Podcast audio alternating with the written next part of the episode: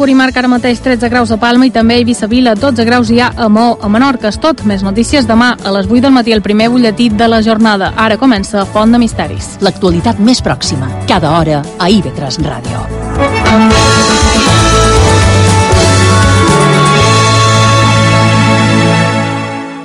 IB3 Ràdio. La ràdio autonòmica de les Illes Balears.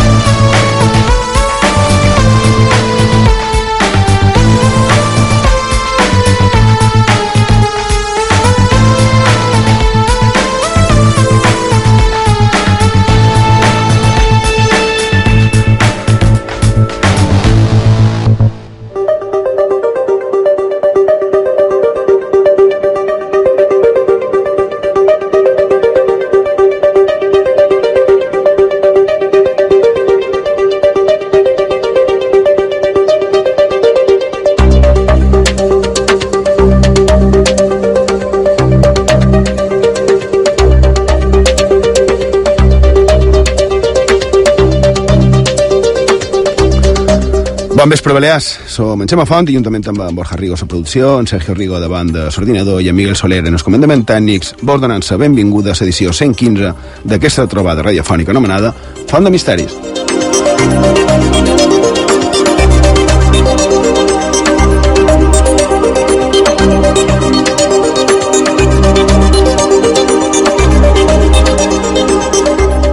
I d'allà han passat les festes. Tot passa, tot comença i acaba.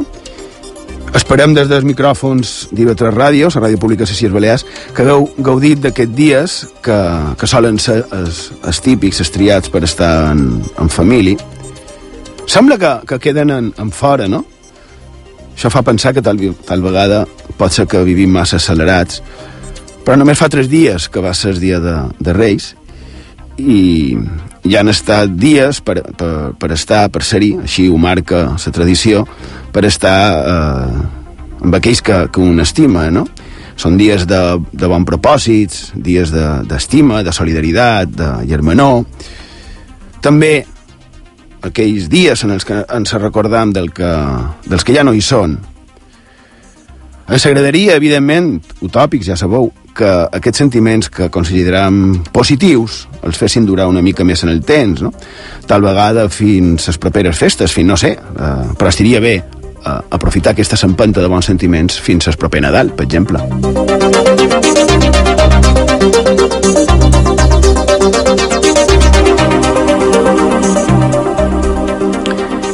I també és cert que un se'n recorda aquests dies dels estimats, dels seus estimats que ja no hi són, aquells que s'han anat i, i ens han deixat, aquells que han pres el darrer camí d'aquest món, i ja s'han trobat d'una o una altra manera amb allò més, més desconegut. Per tant, vaig un, un record cap a tots ells, i més cap als que justament varen partir en dies com aquests, no? que encara es fa més feixuc, perquè passin els anys que passin, els se segueix recordant i també enyorant.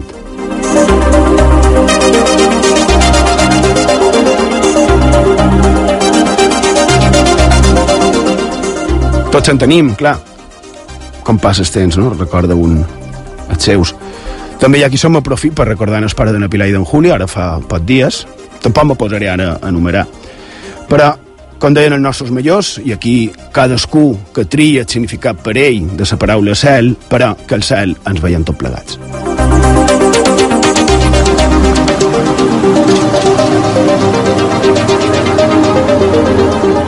I d'això vagi els nostres records per a tots aquells que ja no hi són. I per associació, com sempre, eh, ara sí que estan buits els cementaris. De fet, ara venen els millors dies, tal vegada per, per visitar-los, no? en, en quietud, en, en calma, en tranquil·litat. Queda ja poques restes d'aquell fervor mortuori, si, si puc dir-ho així, de, dels primers dies de novembre, no? ara fa dos mesos si busques, i, i també no pot ser d'una altra manera, no? en tots els respectes, mmm, podríem anar a fer qualque visiteta, no? Borja Rigo, bon vespre. Bon vespre. Què trobes? T'ho anava a dir fa, fa un moment. Sí, no? Sí, tenim unes quantes pendents. Sí, com a, com a massa i tot. Si no molt de dur, però molt desconstipat, abans. Que és d'animal. En Sergio Rigo la setmana passada estava... Mos han d'anar tornant una mica. Sí, exactament, sí. exactament. Uh, mentre sigui només uh, constipadet d'aquells tampoc passa res. Tu, Miguel, bé, no estàs constipat, tot bé? Fantàstic. A més, això de d'anar a un cementiri convida també una mica a la reflexió, no? Quan passeges abrigadet, quan fa fred, ara supos que començarà a venir el, el fred de bon de veres i sí, ho farem aquest dies d'hivern eh, Borja, farem això d'anar ho farem, ho farem, ho farem I, per cert també amb això del fred ja hem vist amb els comptes de, de Salomó que et suposa que finalment tindrem un any 2016 eh, amb poques pluges sense gaire fred amb els temps amb el temps, precisament veurem si el temps, el temps meteorològic, acompanya o no en aquestes prediccions ancestrals atàviques que es perden en el temps.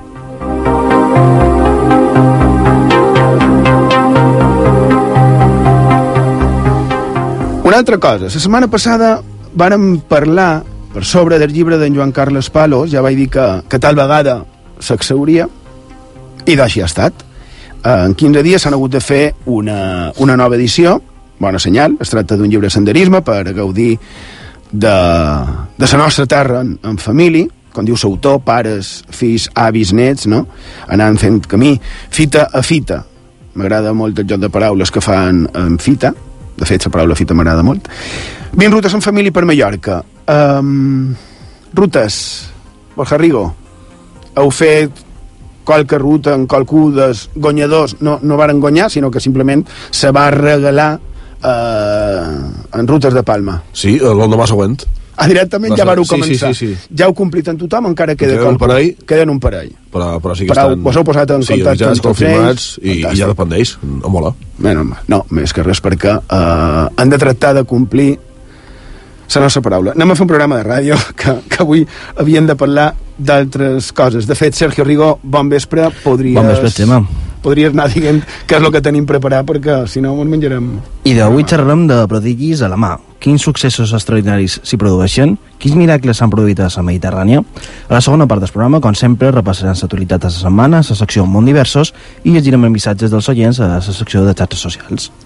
I també, com sempre, um, com poden, com podeu, contactar amb nosaltres, si un cas um, aprofitau, agafau per prendre nota, sistema tradicional, per exemple, llapis, paper, el mòbil, apuntau també el, número de WhatsApp que, que ara dirà en Sergio, que me va cridar l'atenció, ho varen dir dissabte passat, eh, tenim Facebook, Instagram, YouTube, WhatsApp, correu electrònic, eh, e-books, plana web, no sé si me'n deixo qualcuna altra. Twitter.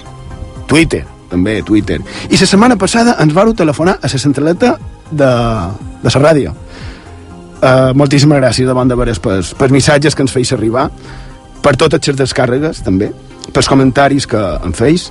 Uh, això, moltíssimes gràcies perquè realment el que volem aconse aconseguir en, en Font de Misteris és això, és un punt de trobada, un punt de reunió de tots aquells que, que estimam el que tractam no, en el programa.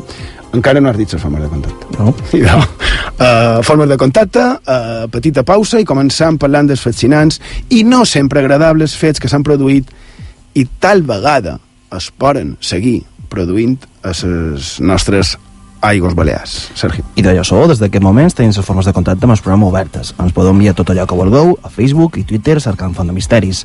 També ens podeu enviar els vostres missatges en el correu electrònic fontdemisteris arroba ivetresradio.com o en el WhatsApp del programa 659 1669 52. Repetim, 659 1669 52. Recordant també que ens podeu seguir al nostre perfil d'Instagram cercant Font de Misteris i Vetres i visitar la web del programa www.fontdemisteris.com.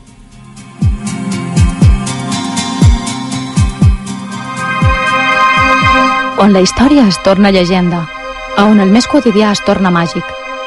Acompanya'ns a la nostra font de misteris a IB3 Ràdio.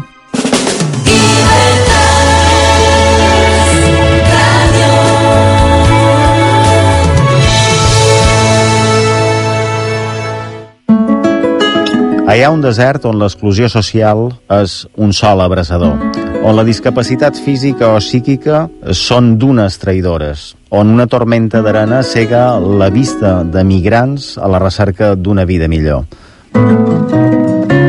Però en aquest desert nosaltres sabem trobar-hi flors. Flors en el desert. Flors en el desert, amb David Oliver, a IB3 Ràdio, diumenge a les 9 del matí.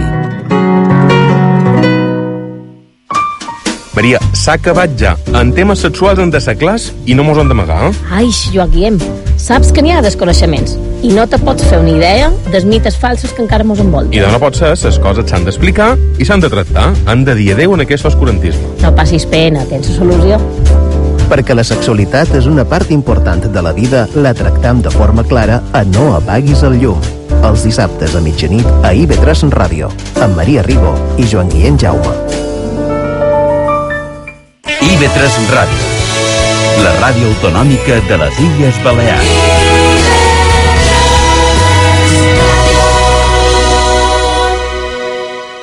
Font de misteris, amb Xema Font.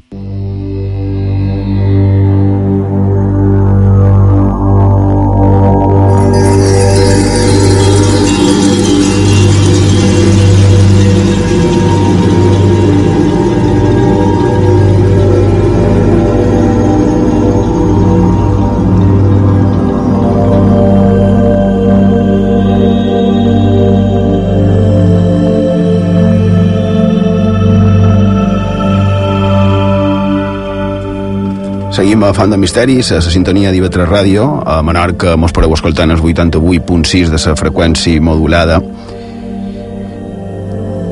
I començarem a, a parlar d'aquests prodigis de, de les nostres aigües.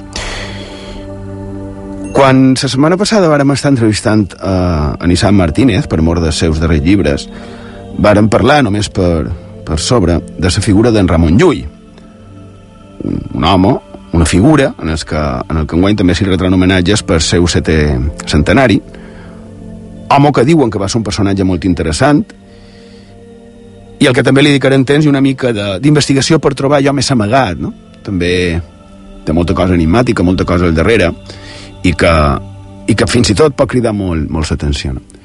Per això ho dèiem pas pas... Per, sants patrons, bàsicament, que, que cert, cert grups agafen com a, com a seus. Per exemple, el propi Ramon Llull, emprat com a patró dels informàtics, per al seu sistema de, de difondre el coneixement. També eh, hi ha qui diu que seria Santa Tecla, però això seria per, per semblança amb el nom.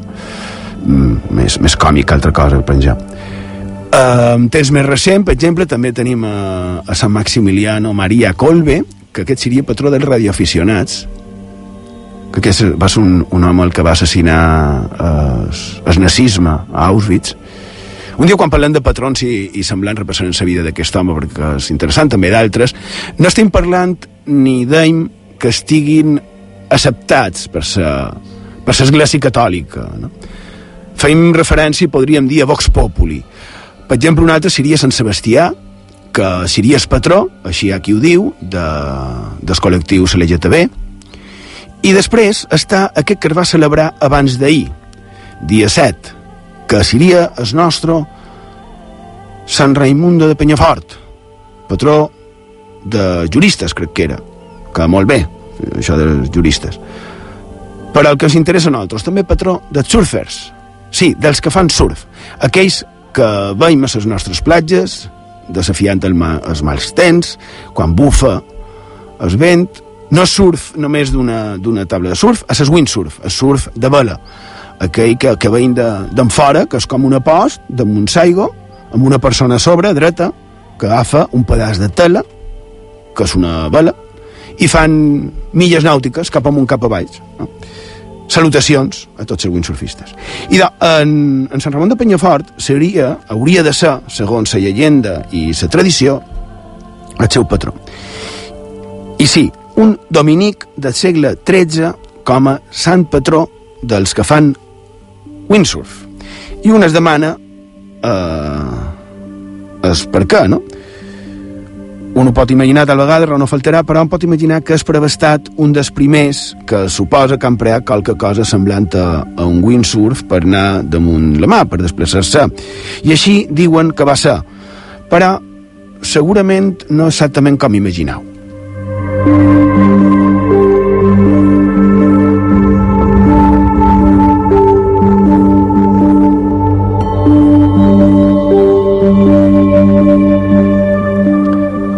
I de, segons conten, eh, en Penyafort va néixer de l'any 1175 en el castell de Penyafort, precisament, era una família poderosa de, de l'època.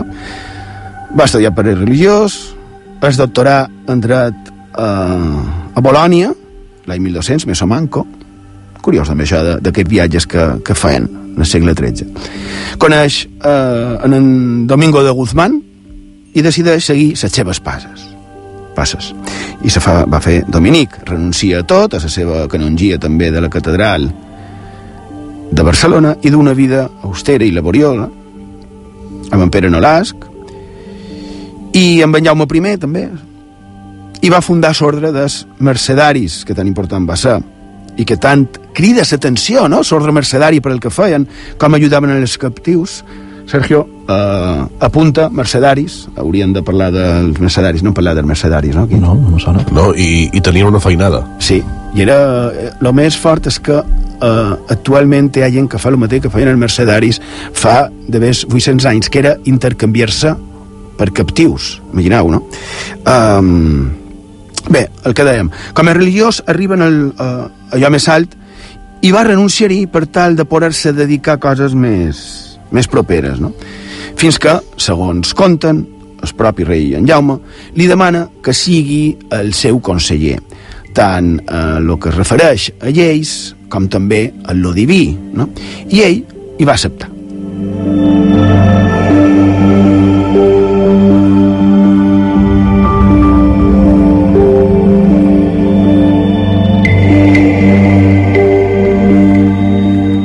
A les nostres illes està amb el rei, que acabava de conquerir-les, i li ajuden els, en els tràmits.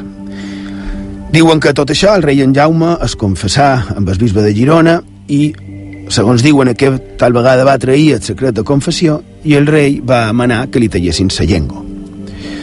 Això en el papa de Roma no li va fer molta gràcia i va decidir excomulgar-lo, supos que per, per bèstia, però eh, el nostre sant intercedeix pel rei i també li anava aconsellant cada dia que deixàs aquella vida que sembla que duia, no? Anava de dones, festes, bauxes sense control, fins que arriba un moment que aquell home que havia renunciat, eh, entre altres en, a, a l'arcabisbat, per exemple, decideix que no té raó de ser perdre més temps amb aquell home desmesurat, no? Que, que segons aquesta contarella, segons aquesta llegenda, seria el rei en Jaume. Així que li demana permís al propi rei per abandonar Mallorca i tornar a la seva tasca dominica a, a Barcelona. Però el rei li va prohibir.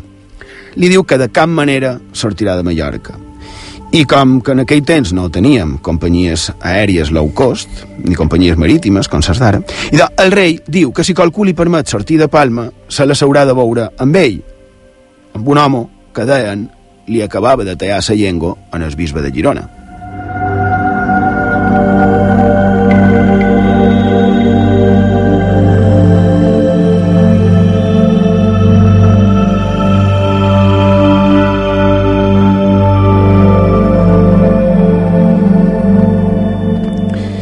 I en, en Ramon de Penyafort trata de fugir de la influència del rei i se'n va cap a Solla.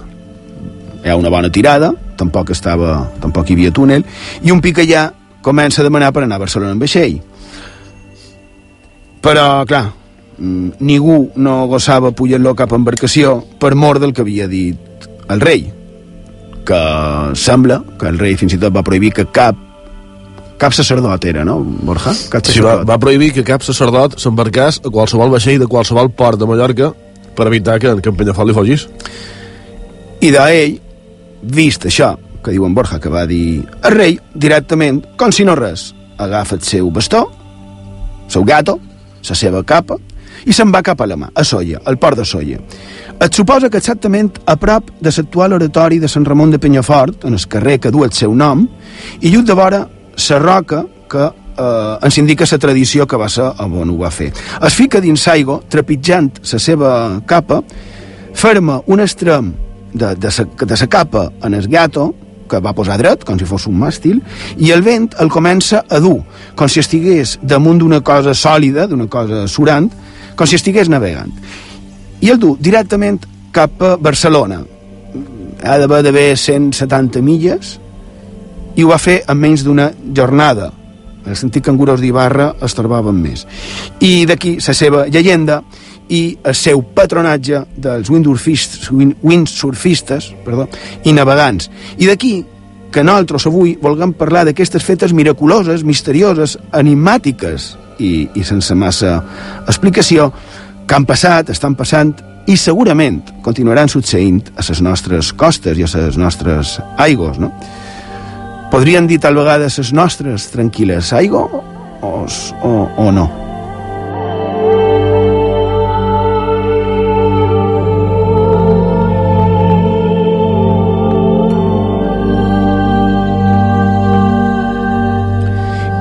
I, evidentment, malauradament, no, no sempre són tranquil·les aigües. Sovint veiem les desgràcies no? que, que ens fan veure com no ho són, tranquil·les.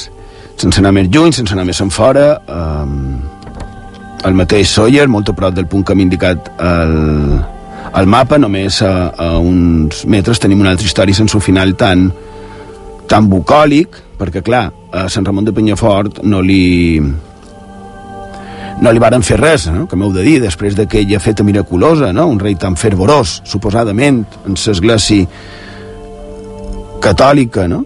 Imagina que, que el rei se li digueren anar de cop les ganes de, de, de seguir fent desastres. Però el que anàvem, Port de Solla, el bufador. I doncs sí, en, en Biel Sabrafín, les seves històries i llegendes mallorquines d'amor, contava un succés d'aquest també dignes de recordar. Només el bufador, com dius, allà a Solla, en Esport de Solla, un hora baixa d'un mes d'octubre, l'any que vulgueu. Una dona, amb el seu fill recent nat, espera damunt les roques, mirant cap a l'horitzó, com arriba una barca on veig home pescador de professió. Passat un temps, sa mare, aprofitant que sa barca ja està ben a prop i que se pot veure, pot veure el seu enyorat marit, alça l'infant per damunt del seu cap, i és el preludi d'una tragèdia.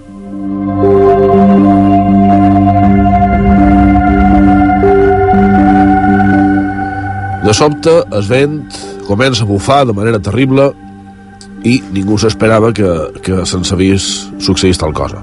La barca on anava el pescador xoca de manera més que espantosa contra les roques i la dona i el nin recent nat per mort de la terrible ventada i del cauen penya segat avall cap a la mà profunda, morint ofegats. Aquella mateixa matinada, les zones dugueren els cossos fins a l'esport de Solla, on els veïnats hi van trobar a sa mare i en el pare aferrats a sa criatura. Com a recordatori se va posar una creu de fusta negra damunt les roques aquelles on, on havia caigut la dona en sonin, una creu de la qual ara fa un segle, 1916, encara quedava qualque rastre, per a dia d'avui ja no n'hi no ha. I d'ençà se conta que ses nits fredes, allà a les roques, on hi va la creu, se sent el plor d'un infant i compareix una dona de blanc que de genolls alça els braços cap al cel. Quina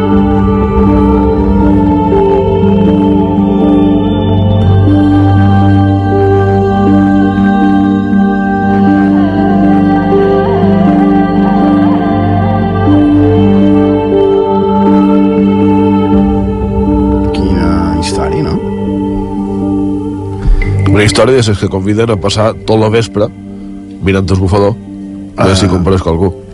També, també. Són maneres de, de veure-ho.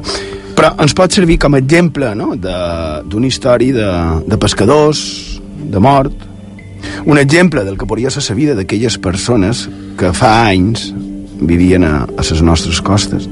Fins i tot avui, no? Avui dia, els pescadors i aquells que, que han de sortir i han d'anar lluny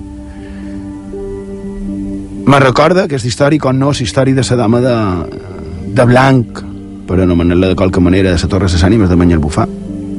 Una cosa semblant, no? però sense saber cap recent nat a la història, sinó una dona, una recent casada, després d'haver passat penúries per aconseguir estar amb el seu estimat, un jove humil i molt faner, que es dedicava a sortir amb el seu lleutet a pescar, i ella cada dia li anava a esperar a la Torre d'Esverger, avui Torres de Ànimes, fins que un dia ell no va tornar, no? I ella, mentrestant, seguia anant cada dia i ell no, no apareixia com ja era la seva norma habitual, no? Fins que el temps va anar passant i ella cada dia seguia anant a, la torre a mirar a l'horitzó a veure si va arribar en el seu estimat fins que ella morí sense tornar a veure puny mai més no? i des de llavors diuen que aquella pobra dona les fredes nits d'hivern surt a veure si ell torna no? i un des de la mà quan arriba cap a les costes de Banyalbufar diuen que pot veure la figura blanca damunt de la torre esperant el seu amo des de fa anys i més anys.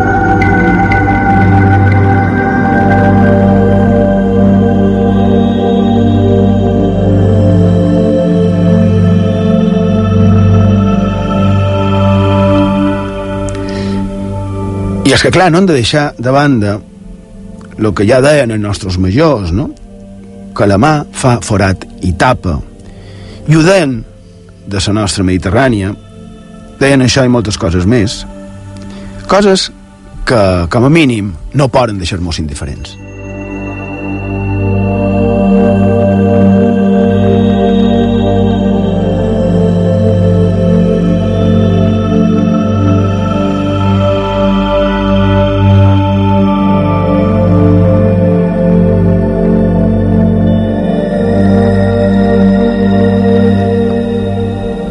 Com per exemple, un llibre d'aquests vells que tant se'ns agraden, avui n'hem utilitzat un parell de llibres d'aquests. Encara que no tot serà de fa molt d'anys, no? ja ho veurem. Però eh, aquest llibre que faig referència diu que fa temps es deia, i ningú no ha dit encara el contrari, que a prop de Mallorca hi ha una bèstia que dorm a les profunditats, una bèstia, meitat serp, meitat llop. I aquesta bèstia es diu que viu amagada a una mena de cova i que per aquest motiu, des de llevant de la península, antigament, no els hi feia massa gràcia venir cap a les nostres costes.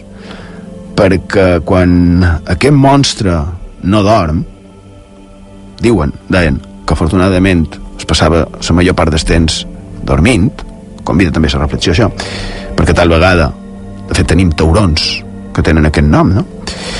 I de quan no dormia, sortia ràpida, ferotgement, i s'enduia cap al fons aquells que gossaven atracar-se a bonera a la seva cova.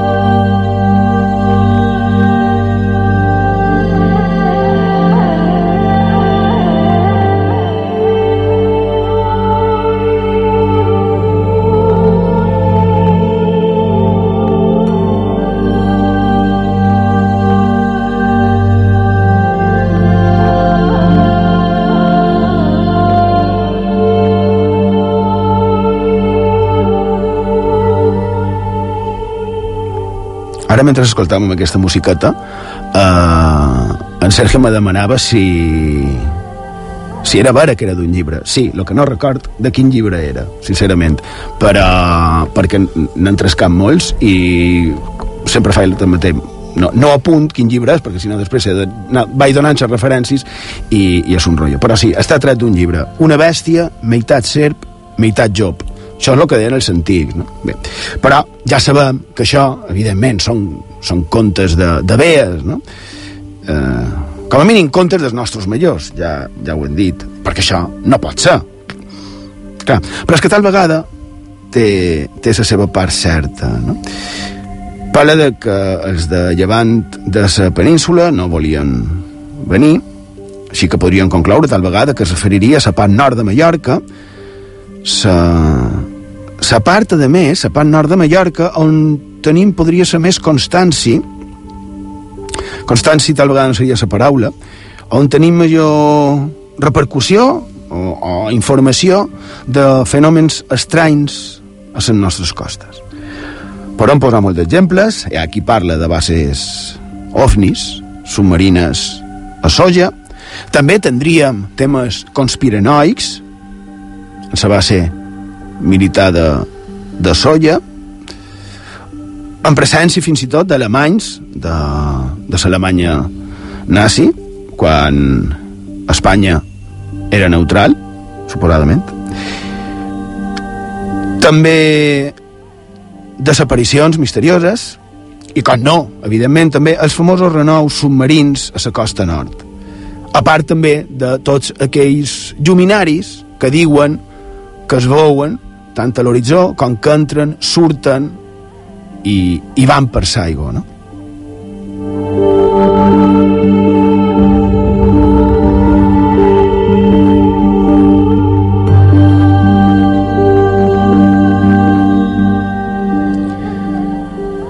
Encara que, clar, també, tal com me va comentar un amic, hi ha explicacions a qualcunes d'aquestes històries, com la del raig verd, no sé si l'han comentada a, a Font de Misteris.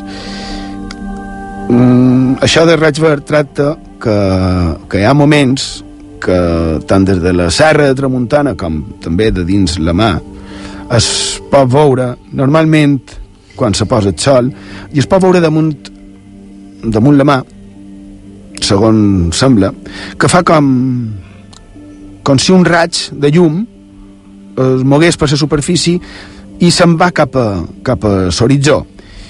I hi ha qui l'anomena el raig verd.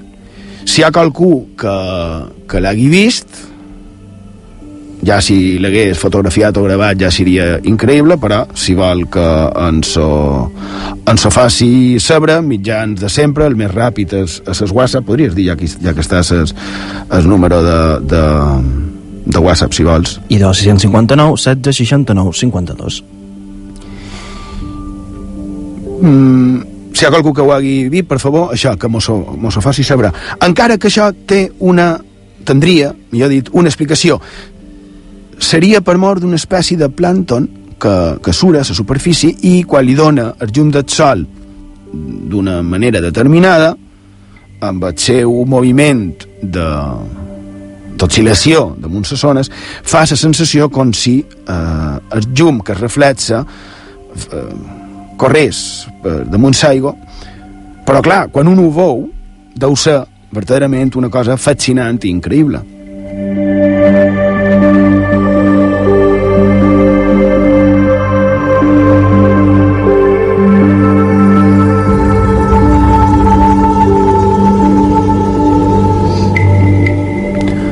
plàncton, no? a base de, de, de sa vida marina, també.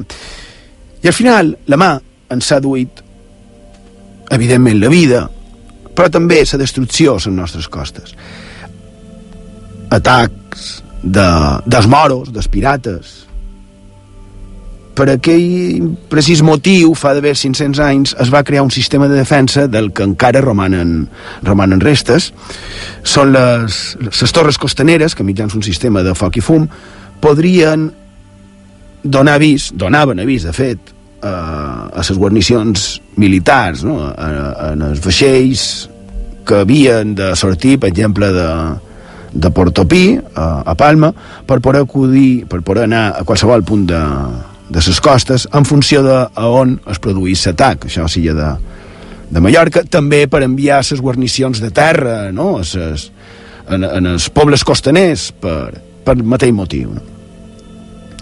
I així, amb aquest sistema d'avisos, en molt poc temps es posaven en marxa per a la a defensa que per cert, també ho dic qualque vegada, un dels principals impulsors d'aquest sistema d'avisos, en Minimelis, per suposat. Historiador, metge i altres coses ben estranyes, també té que veure moltíssim amb el misteri. Total i absolutament. I de fet, feia aquella referència, no?, en els primers pobladors de les nostres illes que havien vengut precisament de la mà, sí. i que eren descendents d'aquell mític eh, Noé, de, de Sarca, amb els animals i, i tot allò. I també parlava dels gegants. Efectivament. També li haurien de dedicar no un programa, sinó un grapat de programes en Virimelis, historiador, eh, escriptor del segle XVI, que, que més crec que la seva obra només s'ha editada als anys 20 Sí, l'any 27. 27 pentous. Sí. La tenc, precisament. Tenc sa... Està molt mal feta. Me, me, me consta. Exacte. Bé, i de, que com els enemics sabien que en Vinimelis havia creat aquest sistema de, de defensa de, a base de, de torres costaneres, eh, sovint s'ho repensaven abans d'atacar les illes quan veien que el sistema es posava en marxa, no? que s'encenien els focs a diversos punts de les costes. El cas és que eh, a cada una d'aquestes torres hi havia d'haver com a mínim un torre que duia, clar, una vida feixuga, estressant, si voleu, no? I era s'encarregat de mirar si venien vaixells que fossin potencialment perillosos i en aquest cas si arribava qualcú, o bé si una altra torre donava l'avís eh, havia d'encendre el seu foc per avisar en els altres, no? els vespres mitjans la llum del foc i de dia mitjans el fum que feien. Que diuen que fins i tot amb el foc i el fum, això és molt interessant, podrien eh, transmetre informació de quan de vaixells eren, de on venien, etc. No?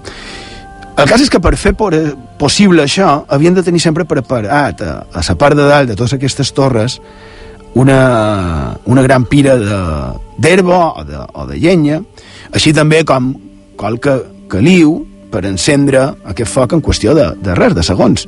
I quan un encenia, els de la següent torre, ho veia, que estava a diversos quilòmetres, evidentment, ho veia, avisava l'altre, fins a arribar, rodejant, en aquest cas, Mallorca, com deia, fins a on estigués la guarnició.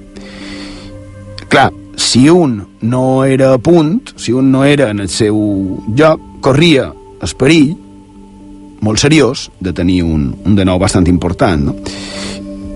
i hi havia molta experiència d'anterior setat de pirates per tant un no podia badar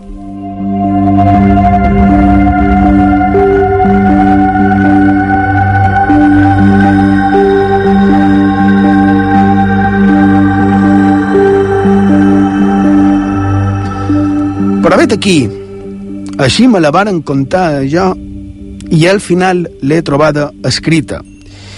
I Meso Manco diu que un dia era a mitjans de segle XVI, per d'haver el canal de Menorca, un d'aquests torrers va divisar la terrible i funesta agrupació de vaixells pirates d'en Dragut. Aquest pirata i, i els seus camarades eren directament senyal de, de patiment, de foc i, i sang. No? també de captius, abans comentàvem els mercedaris. Estorrer veu que en poc temps arribarien a Mallorca, així que avisa amb el seu sistema, encén el foc, i des de d'haver-se el cudi comença a transmetre-se de torre a torre fins a Formentor, d'allà cap a Solla, i d'allà cap a Andratx. També es poble, quan veia les torres enceses, sabia que hi havia un perill, clar, avisen, però comencen a córrer, es poden amagar, es poden amagar en aquestes torres, que també hi havia les possessions ja dintre Silla. Clar, un va cap al poble, avisa, la eh, torre està encesa, per exemple, no? venen els pirates, amagau-vos. Cridar per donar l'alarma, no? Per tal de que, de que si el seu poble fos triat pels serreïns, en aquest cas, els hi donàs temps, com deia, d'amagar-se. Però la sorpresa va ser quan un home va veure el foc encès per David Solla. I va entrar cridant a la cantina del poble, perquè també, perquè allà es va trobar... Bé, va entrar a la cantina de Solla, i allà es va trobar mig adormissat per, per mort de, de l'alcohol, diuen que sovint ho feia, i els varen trobar en el torrer encarregat d'encendre el foc.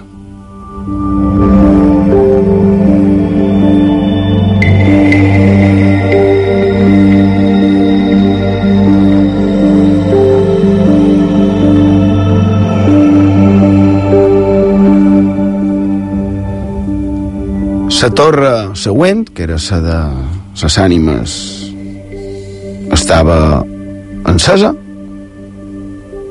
però allà no, no hi havia ningú. Sabien la, la torre de Banyalbufar, però el torre estava mig adormisat en el bar. I a la torre eh, no hi havia ningú. A més, un no autoritzat no podia encendre aquell foc. Era un tema molt delicat, clar. Què podria haver passat? Sembla bastant clar, no? Aquella torre embruixada, habitada per esperits, per ànimes tal vegada esperant la seva fugida definitiva de, del món dels vius, del món terrenal. Tal vegada qualcú que va sofrir un patiment com els que tal vegada els haguessin arribat. I de tal vegada aquelles ànimes varen amollar el seu darrer alè que va encendre el foc. Un foc que va salvar la vida a moltes persones.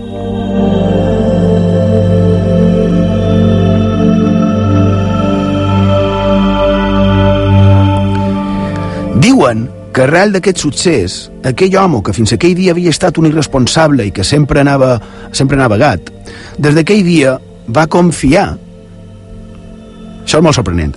Va confiar que els esperits que protegien aquelles aigües li tornarien a ajudar.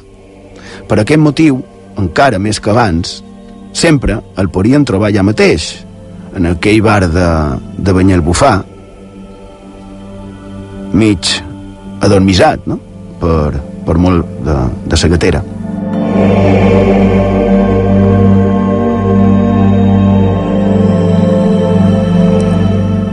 Poc temps després succeí un, un fet semblant, a ell li tocava estar de guàrdia, ell havia de ser el que avisàs de l'arribada imminent de pirates a les costes, només s'havia d'encendre un foc, però no ho va fer perquè, conta aquesta llegenda, que, com sempre, com era habitual, es trobava en el bar bevent, i tal vegada, confiat que aquelles ànimes li tornarien a ajudar.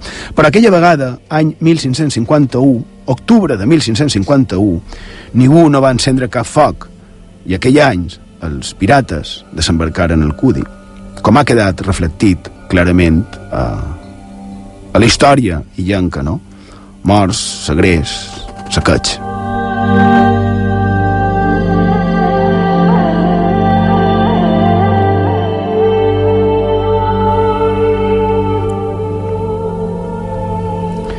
Aquest home que segurament, probablement degué ser condemnat, però a més també havia de tenir el seu turment propi, no? la responsabilitat damunt les seves escanes d'haver estat el causant d'aquella desgràcia.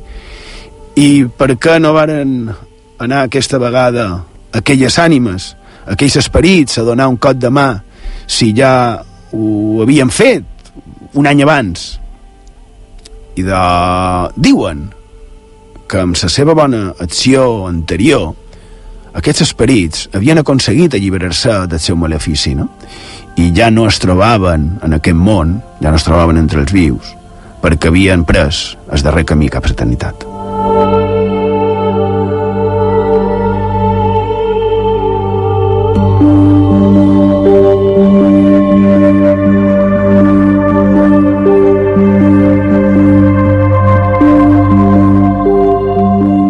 A IB3 Ràdio, Font de Misteris. IB3 Ràdio, la ràdio autonòmica de les Illes Balears. Els capvespres d'IV3 Ràdio són per passar una bona estona i oblidar els problemes quotidians, per rebre l'assessorament de professionals qualificats, per escoltar entrevistes ben interessants. De dilluns a divendres a les 4, això és IB3. Un sumari de 100 toms, 33 annexes i més de 76.000 fulls. 600 periodistes acreditats de 90 mitjans de comunicació de tot el món. El judici del cas Nos comença dilluns. I a IB3 Ràdio t'oferim el minut a minut d'allò que passa a la sala de vistes, amb les darreres novetats, les declaracions i els testimonis dels protagonistes del judici més mediàtic que es recorda. El seguiment més complet del cas Nos amb els serveis informatius de la ràdio autonòmica i el magazín d'actualitat al dia. IB3 Ràdio. Més plurals, més independents, més objectius, més informació.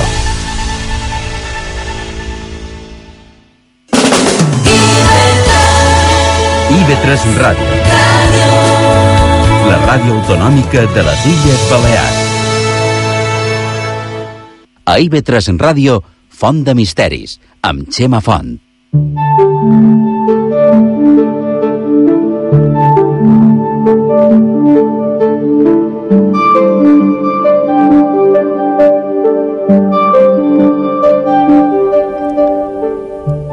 Seguim a Font de Misteris, a la sintonia d'IV3 Ràdio.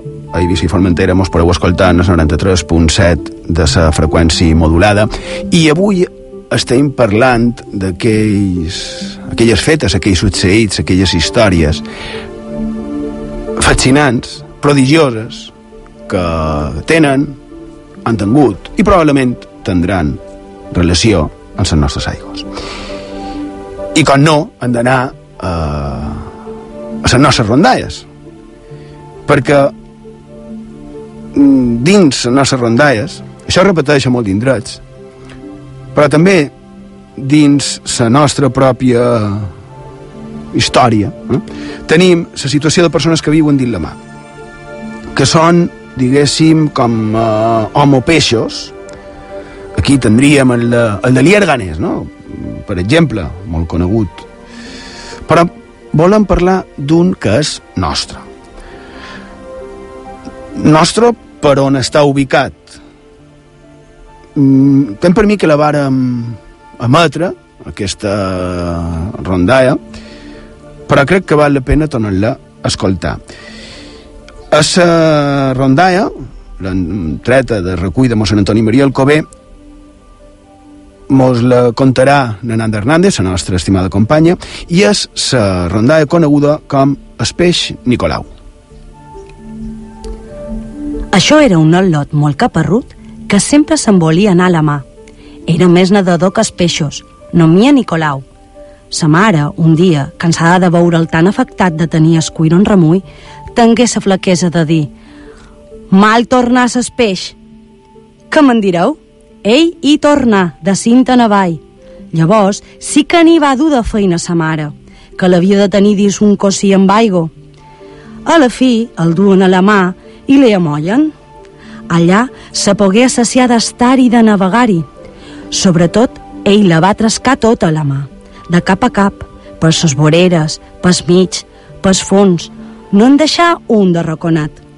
Així, va poder fer ses cartes desnavegar, perquè si no ho sabeu, va ser ell, el peix Nicolau, que les va fer, aquestes cartes. Però una cosa no havia rastrejada ni reconeguda. Els fons de Saluet, aquella platja entre Santa Margalida i les muntanyes d'Artà. Se'n volgué anar a treure el gat de sac, com ja era vell, i un dia digué los seus «Me'n vaig a veure que hi ha en els fons de Saluet». «No hi vayas, que t'engolirà», li deien. No se n'engoleixen cap que no hi siga, diu ell, tot rebent. Sobretot, si dins tres dies no som sortit, serà que seré mort. Dit i fet, pega fua cap a Saluet, i com és enmig, ja envergat cap fico, i per endins i per endins. Los seus, d'un tros en fora, estaven espera qui espera que sortís. Al cap de tres dies, allà mateix, on s'era enfonyat, veren brollar-hi una glopada de sang. Era que el peix Nicolau havia finit. Per això, aneu i alerta a Saluet que s'engolia el peix Nicolau, tot i que és estat qui ha sabut és millor ses tresques de la mà.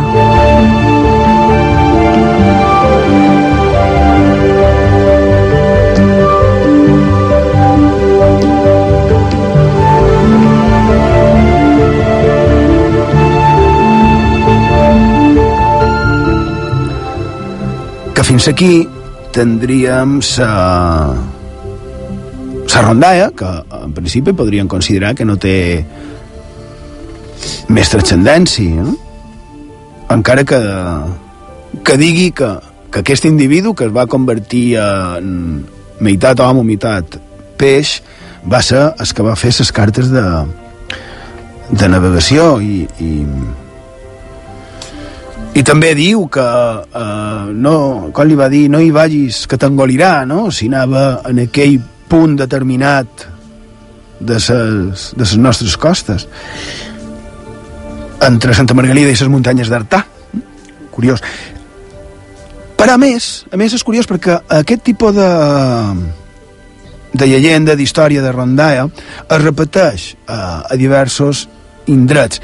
Si un cas Borja ara, uh, molt ràpid, altres casos semblants, no? de, de peix Nicolau, de peje Nicolau, com per exemple l'anomenaven a Itàlia. Jo sí, per fer aquest petit apunt, anem a un dels que més en sabien de la mà, Antonio Rivera, del mà i d'ovnis. I d'ovnis, sí, va ser Sí. un dels primers ufòlegs com a tal que va, a I és, Espanya. I és primer bussejador oficial també, també d'Espanya. De, Bé, jo tenc aquí damunt la taula eh, un dels seus clàssics, Los monstruos marinos, d'això de l'any 67, i fa, efectivament, una esquipallada d'altres monstres, evidentment, eh, en Pere Liéganes, en Fernando de la Vega, és un gran clàssic, però també mos conta, per exemple, en Peje Nicolau i en Perce Cola, són dos éssers també molt similars però diferents, un és de Nàpols, un altre de Sicília, del segle V, del segle XVI, fins i tot aquest Perce Cola va sortir en Esquixot, com a, com a referència, i després, eh, un altre molt interessant és el peix bisbe, del qual fa una il·lustració de l'any 1631, que seria, imagineu, un homo peix, peix homo, li podeu dir com vulgueu, que efectivament va com una vestimenta pròpia d'un capellà, una cosa molt estranya. Deien que era una espècie de tauró, millor posat de peus, però bé, també el comenta. I també una cosa molt interessant, diu a Portugal, y diu, antiguamente en Portugal se vio un hombre que salía del mar tocando con la boca una concha. Era un tritón. El padre Fontana Peña añade, y que haya dichos tritones que llaman hombres marinos no es materia de duda, como consta de los archivos de Portugal, donde se movió pleito antiguamente entre el rey y el gran maestre de Santiago, sobre a quien pertenecía el tributo de los tritones y sirenas de la mar, y se sentenció que el tributo de las sirenas tocara al rey y el de los tritones al gran maestre.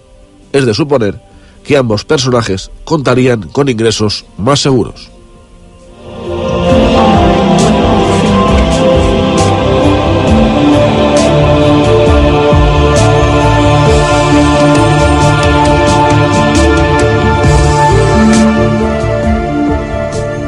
I hem vist, Borja, que altres casos, no?, també semblants. Antics i posteriors, de fet, també diu que la darrera notícia sobre una, una sirena, bé, ara en tenim de modernes, que són una mica estranyes, però de sirena clàssica, eh, bueno, clàssica, no clàssica de l'antiguitat clàssica, sinó clàssica com en tenen Sí. les sirenes de, de conte, diguéssim, no? Sí. Mig peix, mig dona. Se va publicar al Regne Unit l'any 1282, com altra cosa també curiosa i simpàtica. Sí, per tant tindríem que tal vegada la nostra rondalla podria ser només això, una rondalla. Però, sempre hi ha un però, no? Clar. Tenim a la pàgina 55 del llibre Leyendas del Mar Balear d'en Juan Pollatos que ens diu que a la d'Artà hi ha un lloc on hi ha qualque cosa que t'agafa, que s'aferra a les xarxes dels pescadors i de la que és difícil alliberar-se, no? Experts pescadors, coneixedors de les nostres costes, parlen d'una misteriosa situació que es produeix de tant en tant en aquelles aigües. Digo que, que quan qualcú de fora del poble va a pescar per allà, sí o sí, segons l'autor, perdrà les seves arts pesqueres, no? Fins i tot, el propi autor, bussejador experimentat, ens parla d'una immersió que varen dur a terme uns bussejadors per tal d'anar a, a veure un pessi, un, un vaixell enfonsat, rialles i, i mofes de les històries de vees no? que es contaven per aquells indrets, però, finalment, i si tu llegeixes, jo també, finalment, quan baixaren, los tres buzos, curtidos en mil inmersiones, se echaron al agua al mismo tiempo. Mientras descendían, sus caras se hacían más serias. Vigilaban a su alrededor, nerviosos, buscando el fondo. Llegaron a los 30 metros de profundidad y la oscuridad era casi total. No se veía la superficie ni tampoco el fondo. Los tres buzos sabían que estaban en el corazón de la mar que agarra.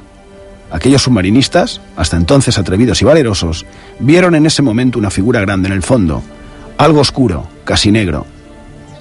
Permanecieron unos segundos sin moverse, a 55 metros, Luego se observaron unos a otros con ojos desorbitados. Miraron nuevamente abajo y se quedaron muy, muy quietos. Antes, en la superficie, ninguno mostró miedo. Ahora, cerca del origen del misterio, dudaron, ascendieron y nunca más volvieron a hablar de sumergirse donde la mar agarra. Jamás nadie les sacó ni una palabra más sobre su extraña experiencia.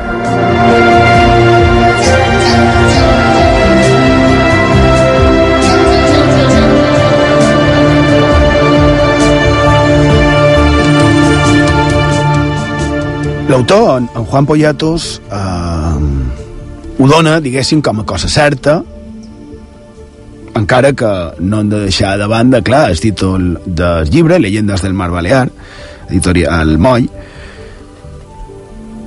per això, eh, a Sabadia d'Artà, no?, a Mallorca, eh, on un eh, es podria pensar que aquestes coses són impossibles, clar. I en aquest cas m'ha sorprès la coincidència del joc. És a dir, tant la figura estranya des, des peix Nicolau, mmm, nostra, no? no és que ha contat en, en Borja, sinó aquesta nostra que, que mos ha contat en Nanda Hernández, com aquesta mena de força que t'endú cap a dins, a la mà, que en aquest cas l'observant se l'haurien de fer no tant en la figura de l'home peix, sinó més bé amb el fet que hi va haver qualque cosa que s'engolí a l'home peix que tal vegada seria el mateix que un bon grapat any després també atemoritzava a uns bussejadors gairebé professionals.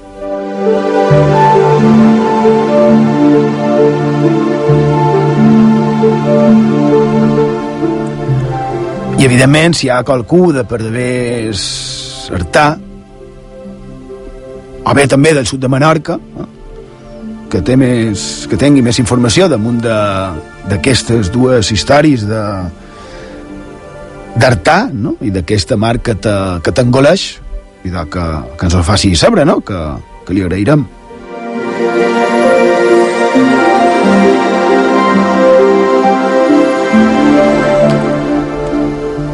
Al final resulta que, que a la nostra mar sí passen coses sense massa explicació. Per això poden trobar situacions estranyes, impossibles, i en aquest cas també a una abadia, la de, la de Palma, i està registrat com a, com a feta històrica. A les nostres illes hi, hi havia, com gairebé a, a totes les costes, a tot arreu, hi havia getserets. I què eren? i d'eren on es feia eh, una mena de quarantena quan arribaven els vaixells. Un vaixell arribava al port i abans de, de descarregar els eh, aïllaven per tal d'evitar possibles infeccions i semblants. No? Si això s'hagués continuat fent, ara també hauria coses que siguin diferents però no, no hem parlat d'això. El cas, no entrarem ara en això. Deia que, segons costa en els antics escrits, hi havia un vaixell eh, que estava ancorat davant del Llaceret de Palma, per d'haver la meitat de bones l'espai marítim, i els mariners havien de, de passar allà el temps que, que estava establert. Allà tenien una mena com de poblet, bé, quatre casetes, una, una petita ermita, un oratori, i això que, que contaré ara va passar a mitjans del segle XVI. Un dels mariners, un genovès, estava jugant a, a ses bolles i com que perdia va agafar una d'aquestes bolles i la va llançar contra la imatge que hi havia a l'oratori, a la façana de, de l'oratori. I aquesta figura, que no era una altra que la de la Mare de Déu del Miracle, va ser ferida, una cea, i va ser pegar-li la bolla xapar-se una mica la pedra no? que, que, que representa aquesta figura i començar a brollar sang i més sang una sang que va començar eh, a regalimar per la façana no? per, per damunt la pedra fins a arribar a la porta, en el portell va ser des de llavors que en aquesta Mare de Déu se li venera amb, amb aquest nom, amb la Mare de Déu del Miracle. Actualment està a la parròquia de Sant Magí, eh, en el carrer de Sant Magí, de, també de, de Palma. I a més, a més, eh, hi ha constància, segons els cronistes, d'un auto signat per un notari, eh, en Jaume Puig, any 1542, Perquè, clar, els mariners es varen d'un esglai increïble, no hi ha per manco. Imaginem la situació pedrada a una paret i d'una figura de pedra, que representava una mare de Déu, però no deixa de ser una figura de pedra, però comença a brollar sang i més sang. Clar, aixequen àncores se'n van, no? I quan eren just enmig de la a la vista de tothom, i a més que la gent ja sabia del prodigi que s'havia produït amb aquella figura, aquell miracle, no? I de, diuen que era un dia clar i solejat, i abans de que poguessin sortir de la badia de Palma, 1542, del cel baixar un raig que va agafar en el genovès, en el vaixell i a tots els navegants i el va fer descompareixer.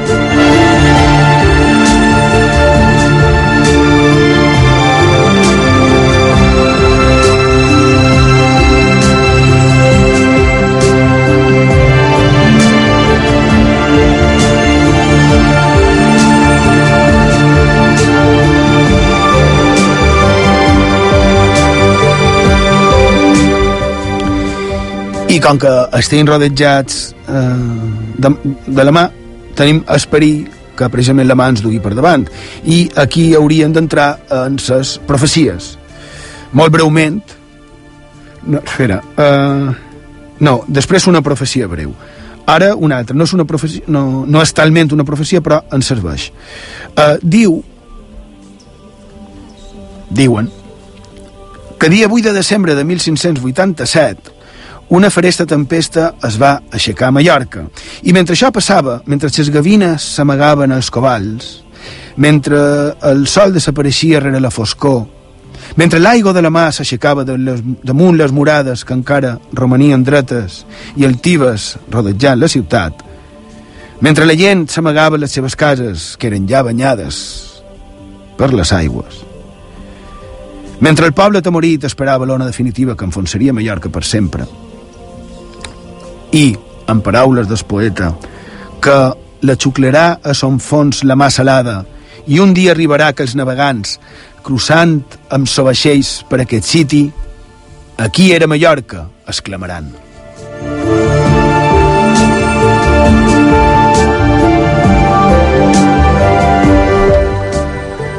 La situació, segons crònica, serà del tot perillosa. Pensaven davant de veres que la tempesta es podria dur per davant tota, tota silla, no feia tant, només 150 anys, una inundació va provocar, l'any 1403, més de 5.000 morts. Tal va ser la destrossa que ni sabien què fer amb els, amb els cossos. És a dir, que la possibilitat d'un perill era certa, no? Però en aquell moment, mentre aquesta terrible tempesta estava succeint, a Montición, un home humil, es trobava tranquil·lament passant a Rosari, com si no res. Però la situació cada vegada es va començar a posar pitjor i, i pitjor. La tormenta cada vegada era més fresta. Això era, ho he dit, crec que ho he dit, no? el 8 de desembre, dia de la patrona, de la patrona de, de Nalonso Rodríguez, l'Immaculada Concepció. I ell, aquest home, Alonso Rodríguez, l'humil porter de Montición, que ja existia aquell any, quan veu que la cosa verdaderament es complica, i tal vegada per un greu desperfecte en el seu propi edifici, es va davant del sagrari i es disposa a pregar. I just en aquell moment, paraules del poeta una altra vegada, i cap endins reculen sos exèrcits, de gegantins pujols i blancs cavalls, s'apaguen les remors del vent i torna així lo sol lluent per l'ample espai.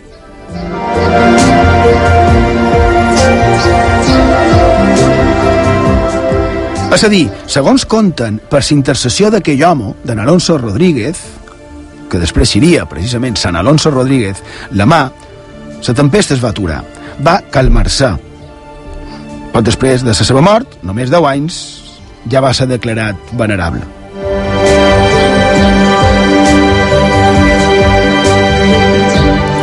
No hi ha per manco que el declarassin venerable perquè part d'aquesta contarella, la veritat és que és històrica té en Alonso Rodríguez, eh, com per exemple la que té relacionada amb la Mare de Déu, que se li va aparèixer en el bosc de Baïba, és tot digne de ser contada, però avui parlaven de fetes prodigioses relacionades amb la mà. I clar, quan un veu aquesta que han contat ara, un pensa que tal vegada de ser una, una exageració, no? Tal vegada aquesta tempesta, pues bé, tampoc va, va succeir. Abans s'han parlat d'aquella rondalla, aquella llegenda, aquella contarella de Banyalbufar, que estava ubicada amb un atac d'en Dragut, quan realment aquell any va haver un parell d'atacs d'en Dragut, no?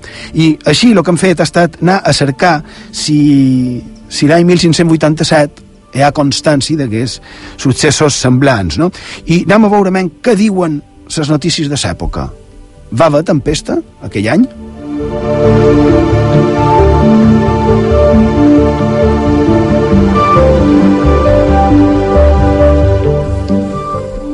Crònicon Malloricense tornant a dir mateix, en Borja trau llibres jo també, pàgina 279 1587 posa diciembre 8 Furiosa tempestad de viento que causó grandes desperfectos, derribando muchos árboles y cruces de piedra que había en varios parajes de la ciudad y sus inmediaciones. Arrancó la vidriera existente en el rosetón de la puerta principal del aseo, que es l'aseu, y salió por la otra que se halla al extremo opuesto.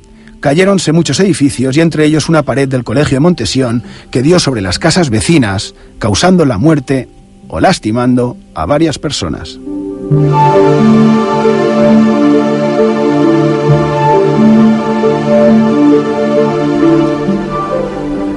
El Crònico Malloricense és una obra que va una compilació, una recuperació de les notícies succeïdes des de la conquesta de Mallorca l'any 1229 fins finals, finals de, de segle XIX i si ho diu és perquè ho, estava recoll precisament a les cròniques no?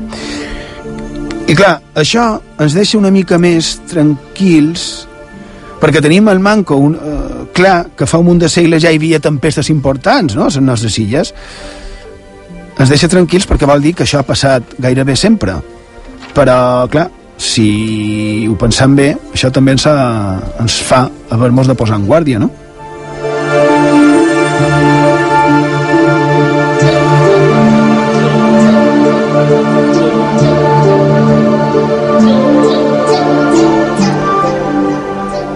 eh, volia parlar de profecies i, i ho deia perquè en, en Sant Vicenç Ferrer va dir quan va venir a Mallorca, ja per segle XV va dir que a un dels seus sermons en to, en to profètic va dir que Mallorca era com una olla de fang posada a Sant Ribés és a dir, era un... era buida, no?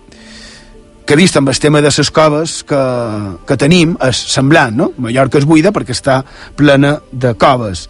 Però per ell sembla que ell ho deia amb un altre sentit, amb una altra significació, com que dir que en qualsevol moment la justícia, supos que se feia referència a la justícia divina, eh, podria xapar per la meitat i en aquell moment passaria el que podem imaginar, que Mallorca s'enfonsaria dins la mà i desapareixeria per sempre.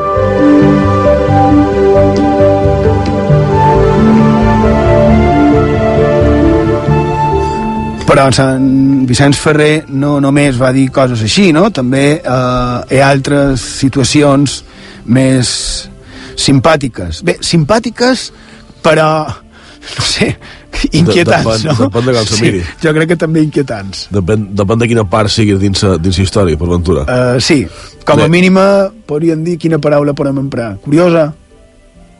Inquietant, no? Inquietant. Sí.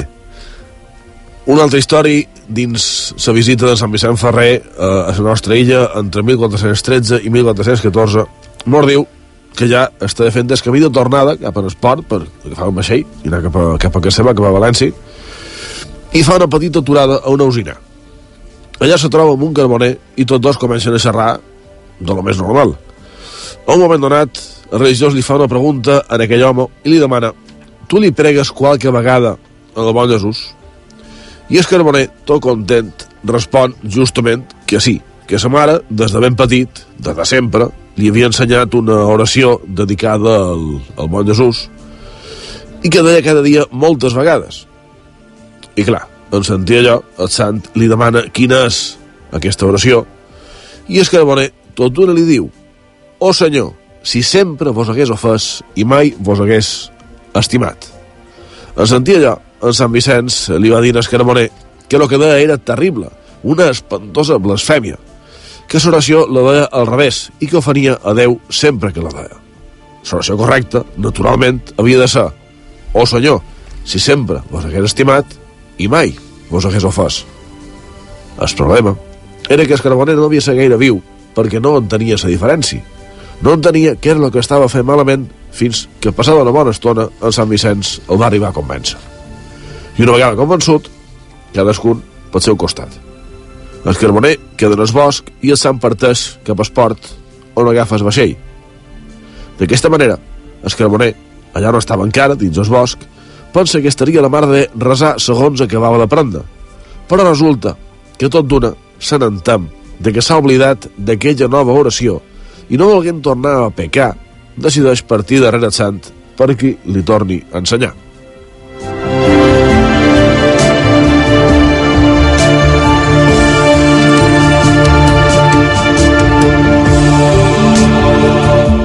En arribar corrents a zona esport, el carboner veu com el vaixell ja partit i que està ben en fora. Però, decidit com està a resar bé, parteix en aquell moment a l'aigua, és a dir, se llança dins l'aigua, però no se posa eh, a nedar de la manera més, més lògica, podríem pensar. No és que fos un home peix, ja que ell xerraven d'ells, sinó que aquí se produeix el prodigi. El carboner no neda, sinó que comença a caminar, comença a córrer per damunt la mà, com si fos el propi bon Jesús a la mà de Galilea. Tot d'una, clar, el carboner arriba a la nau i li expliquen en el Dominic, en el Sant Vicenç, què és el que, lo que li passa. Però què succeeix?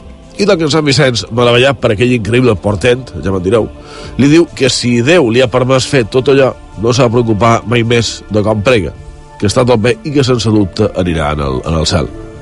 D'aquesta manera, el carboner va tornar corrent per damunt la mà, de nou, fins a terra ferma, i més content que mai va tornar en el seu alzinar.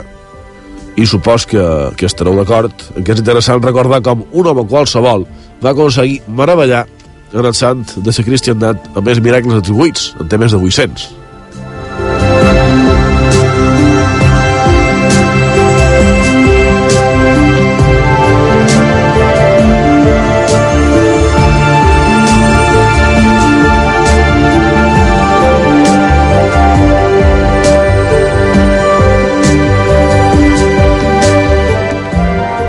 Dit, com si no res. Més de 800. Més de 800 miracles. Sí, 807 a 808 que recordar.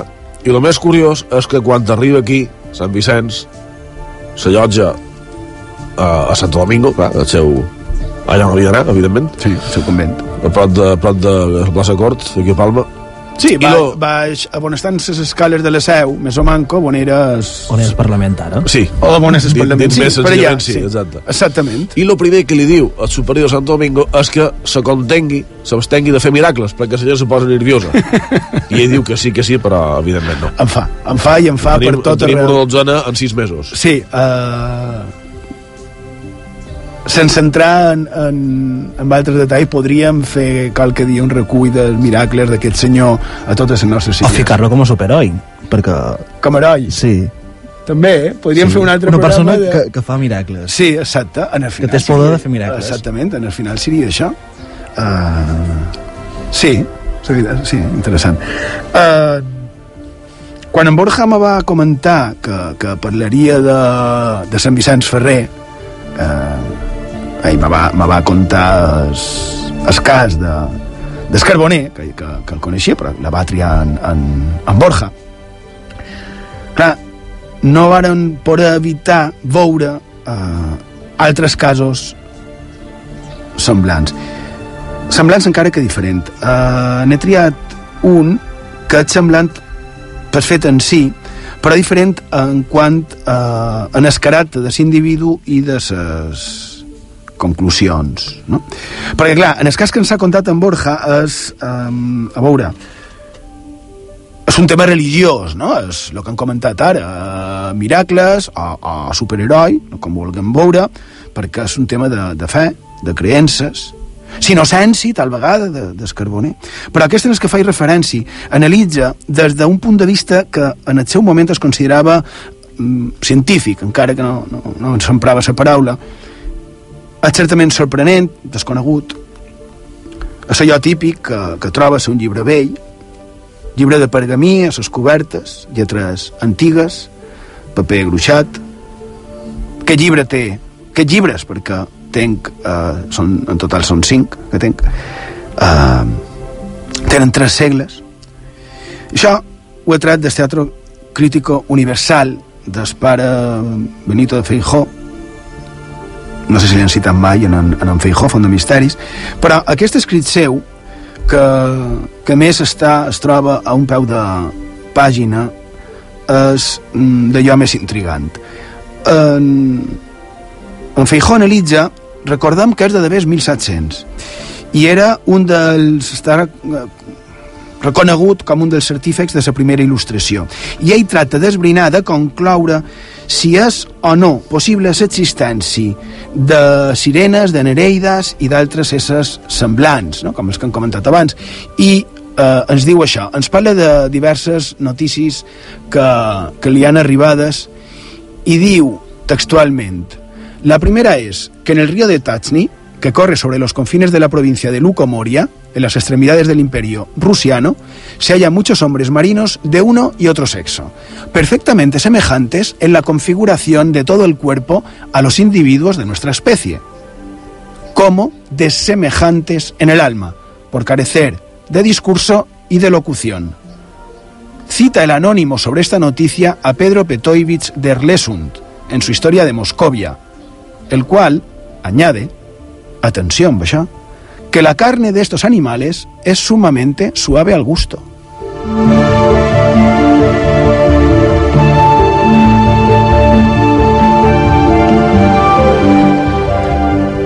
I la veritat és que és sorprenent. No vull, no vull ni pensar que, que és el que varen menjar, no? Perquè, clar, diu que eren ben igual que, que persones, només que no semblava que tinguessin ànima perquè no parlaven perquè no tenien discurs.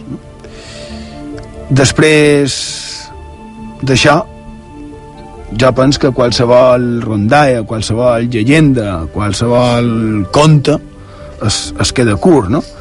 Eh, es pare Benito Feijó, Universitat de Salamanca, il·lustració.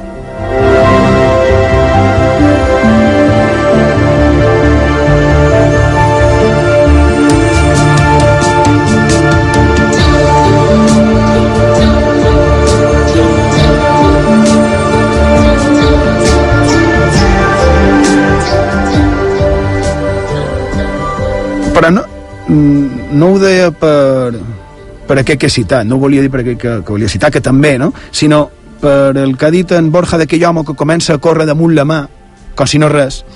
I de, damunt d'això trobam un, una altra història.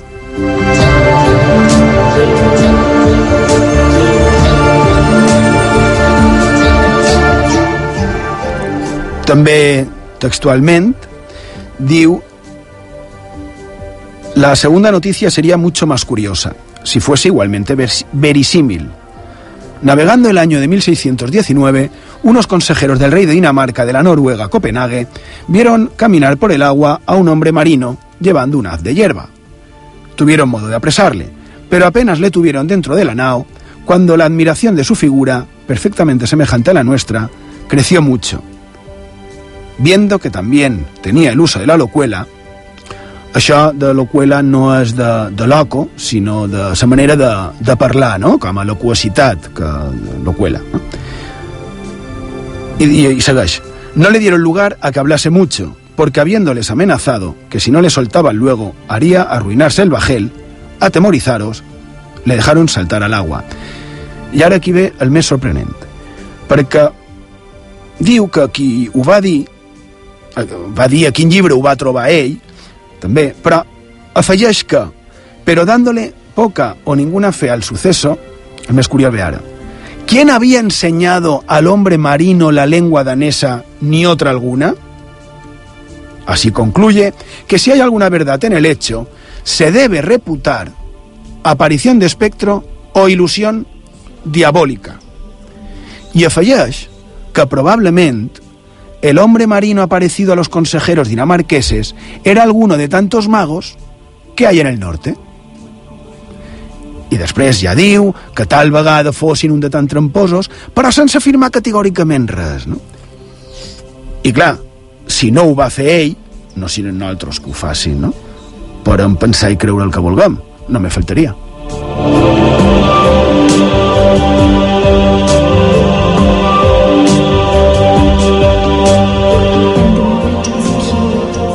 Parlam de, del pare eh, Benito de, de Feijó, que a més és, és, és molt conegut, és, és un home que té eh, escrita una, una mena d'enciclopèdia, no?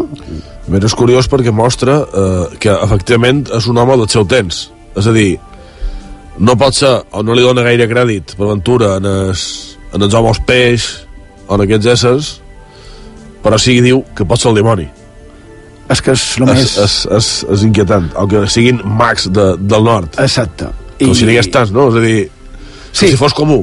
Uh, un altre home per tenir en, en consideració i per parlar...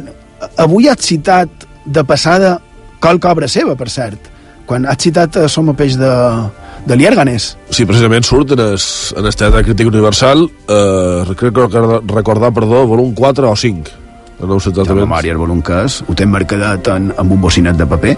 I, um... i va ser, diguéssim, el, el primer impulsor, el primer gran impulsor d'aquesta història, perquè a més havia passat molt poc abans o quasi en el mateix temps de l'època del Feijó. Com aquesta mateixa que han contat de d'aquest viatge de Noruega cap a, cap a Copenhague.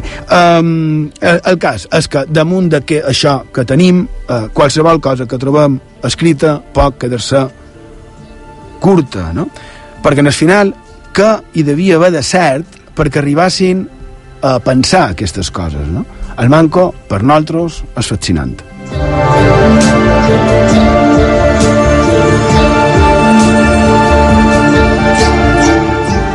Ens passa el de sempre, fa, fa 12 minuts que haurien d'haver acabat, així que anem acabant amb el tema, queda molt, ja serem un altre dia, uh, ciutats amagades dins la mà, Narruixa Mantella d'en Costa i Llobera, que volia comentar en Borja, uh, desaparicions reals per mort de, de bestis, com la que, les que han dit a Artà, però documentades, uh, la història del nin que cau a la mà, i una dona el treu del mig, uh, el treu del mig de la mà, cau de la mà, anant d'Eivissa a Mallorca, hi ha qui la relaciona amb la Mare de Déu de Lluc, Tampoc han parlat del càstig de la Inquisició, que, que deia que no te podies atracar la mà.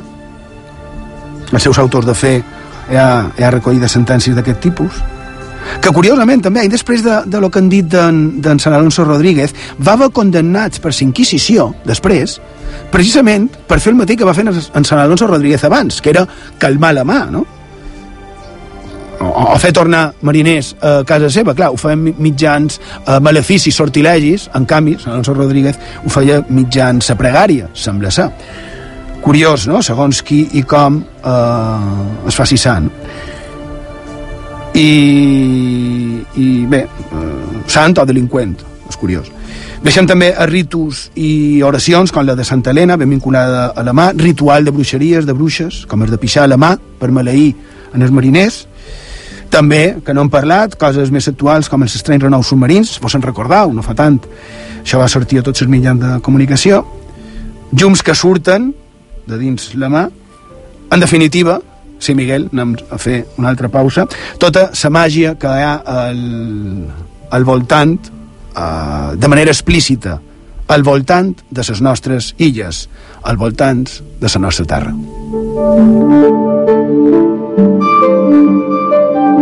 Font de Misteris, amb Xema Font. IB3 Ràdio. La ràdio autonòmica de les Illes Balears.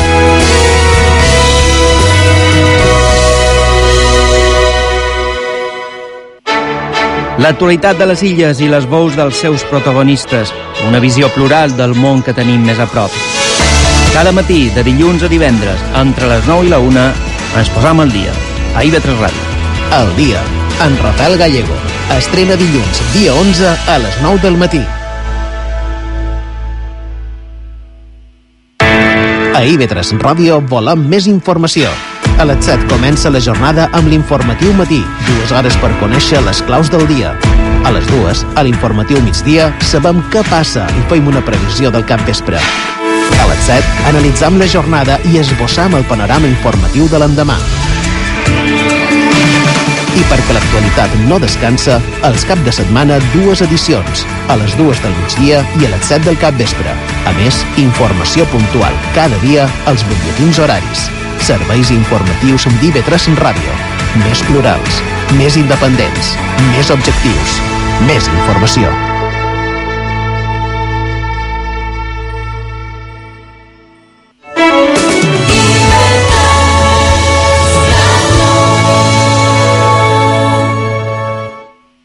Font de Misteris, amb Xema Font.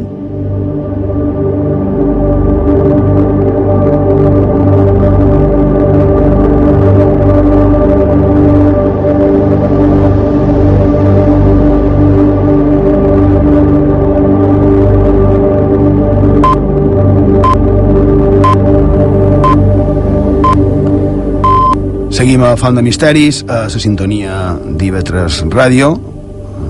Mitjans de xarxa mos podeu escoltar a iv3tv.com i a fontdemisteris.com. Deixam ara de banda el manco per avui eh, el tema de, de les nostres aigos, de, d'aquests prodigis fascinants que rodegen les nostres illes i començarem ara la secció que nosaltres anomenam món diversos no? que és on tractem de donar una mica de, de resó a tot allò que ens crida l'atenció a tot allò que succeeix en el nostre voltant principalment, lògicament, a la nostra comunitat i que per un motiu o un altre pensant que pot ser d'interès per exemple el llibre del que vàrem parlar la setmana passada, dissabte passat parlant així de regals de Reis se'n va passar pel cap el darrer que va publicar en, en Joan Carles Palos.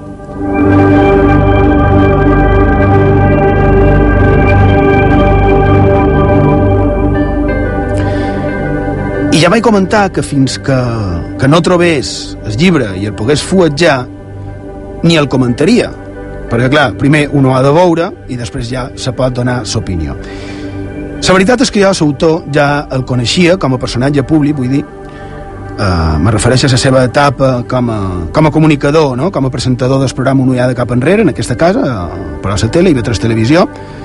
Crec que encara està al vostre abast, ara ho he dit, ib3tv.com, a la carta, programes de televisió, Un de cap enrere, crec que era de l'any 2006, més o manco, hi ha un bon grapat de capítols, va, va ser una successió de capítols precisament que feien, uh, te feien trescar dintre la nostra història no? i la nostra cultura.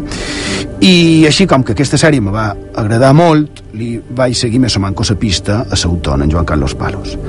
Entre altres coses ell té una empresa de serveis culturals i pedagògics que està adreçada a famílies, escoles, empreses. Ara veurem a què fa referència que es diu Fita Fita on potencia el senderisme la cuina, la música. A més, també l'autor té llarga experiència com a professional, com he dit, dels mitjans de comunicació Bé, també en la mateixa comunicació, no? de vegades a dia d'avui és el director de comunicació de l'Ajuntament de Palma. I també és escriptor. I des de darrer llibre és del que volem parlar amb ell. Més que res, perquè és un llibre, 20 rutes en família per Mallorca, la Serra de Tramuntana 1, que encara que sigui un llibre de senderisme, no és un llibre, un llibre més. Així que anem a conversar amb ell. Miguel, el tenim a punt, eh, i d'això, que per jo, personalment, és un privilegi poder tenir eh, en Joan Carles Palos a l'altra banda del fil telefònic. Eh, bon vespre, Joan Carles. Molt bon vespre, Xema, què tal? Molt bé, moltes gràcies per, per atendre no? la, nostra, la nostra cridada no, no, gràcies, gràcies a vosaltres eh, per dedicar un minut del vostre, del vostre espai a parlar precisament d'aquell llibre, i que com tu deies eh, mm, és un poc més que un llibre de senderisme, eh, aquestes 20 rutes en família per Mallorca, perquè el que pretén és generar una experiència compartida que com la muntanya o com la vida és el que és el valor afegit principalment, no?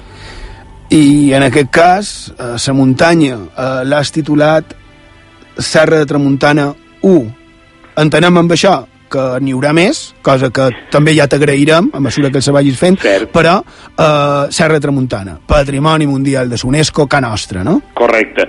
Es, es, la col·lecció, sen, en principi, seran cinc llibres, això és el que tenim previst, i eh, n'hi haurà tres dedicats a la Serra de Tramuntana i els altres dos a la zona de Llevant i mitjorn de Mallorca. Eh? Perquè és, bueno, pretenem oferir això, a cada llibre 20 itineraris en família per Mallorca per redescobrir aquest espai tan meravellós que és la nostra illa des de tots els punts de vista perquè el paisatge eh, no seria paisatge sense la mirada que li dona sentit, forma i sentit, no?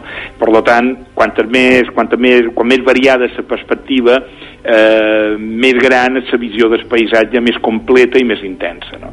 I aquesta és un poc, un poc idea, i sí, és a dir, ara arrencam amb aquesta, i es, eh, són 20 rutes que en el, aquest primer volum el que trobaran és eh, Esporles, Valldemossa, Deà i Solla, que quatre municipis de la serra amb diferents itineraris que, descobrir, que a través dels quals descobrir no només el paisatge, el paisatge sinó allò que l'home ja ha deixat escrita damunt d'aquest paisatge i que precisament és el que forma part d'aquest eh, llegat d'aquest patrimoni mundial eh, per qual la UNESCO mos, eh, mos ha donat aquesta, aquesta, aquesta eh, qualificatiu, aquesta, eh, aquest no guardó, però gairebé com un guardó, no? és patrimoni mundial.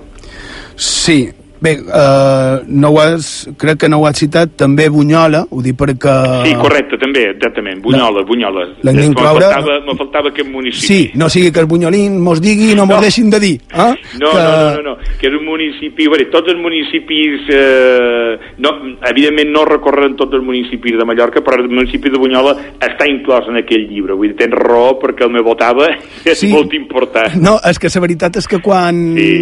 quan eh, faig una cosa com la que faig ara és perquè realment tinc un interès per, per sí, tant sí, sí, uh, sí. m'ho he mirat i, i a més m'ha agradat molt per un tema que és només una paraula però que és família això m'ha agradat molt, no? Uh, que l'haguis adreçat a totes les famílies, com, com, com dius es, uh, en el en es pròleg o introducció, que per cert també m'ha agradat molt, um, que puguin ser uh, pares, fills, uh, predins, nets, no? que puguin anar plegats i fer això, fer senderisme, fer, fer muntanya, no? Mm, perquè jo lo que jo lo és una cosa que, que, que sostenc i de, de, de, de, de fa molt d'any de dir eh, si les coses, si no les compartim, no té sentit. Dir, que te guardis les coses per tu mateix, no, és coneixement, eh, tot ho han de compartir.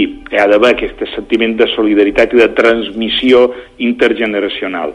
Perquè si no, no perpetuaríem tot allò que som i sentim, això que som i sentim com a poble, allò que expressam a través de la cultura, etc. Per tant, dir, sense compartir les coses no, no progressaríem ni no ens enriquiríem uns en els altres. I per tant, jo sempre eh, dic que eh, tota experiència que nosaltres generem ha de ser compartida en família perquè, bueno, perquè és el nucli tradicional. Avui en dia el concepte de família és molt... És molt, no, és molt obert. És molt obert, és dir, i, i és bo, vull dir que no... Eh, això sí que no hi ha, no hi ha cap problema. Lo important és, sobretot, a dins del terme família, entendre que és aquesta relació de parentiu, aquesta relació de proximitat que pot tenir tu en la teva parella, tu en els teus fills, o com a, pa, o com a predí en els teus nets, o com a net en el teu predí. És a dir, pares fills, mares fills, eh, nets predins, tot, eh, tot, tot juga, i fins i tot parella. Vull dir, és un concepte que és tant horitzontal com a vertical, traçat a través dels temps. I també eh, l'amplitud d'edats que inclouen aquestes eh, rutes senderistes mm. per, per Silla de, de Mallorca, en aquest cas per Serra Tramuntana, perquè, a més, les tens ben... Eh, ubicades en temps, de manera que en tenim des d'una hora fins a 5 hores... Sí, 4 hores, sí, quasi 5, 5 hores, sí.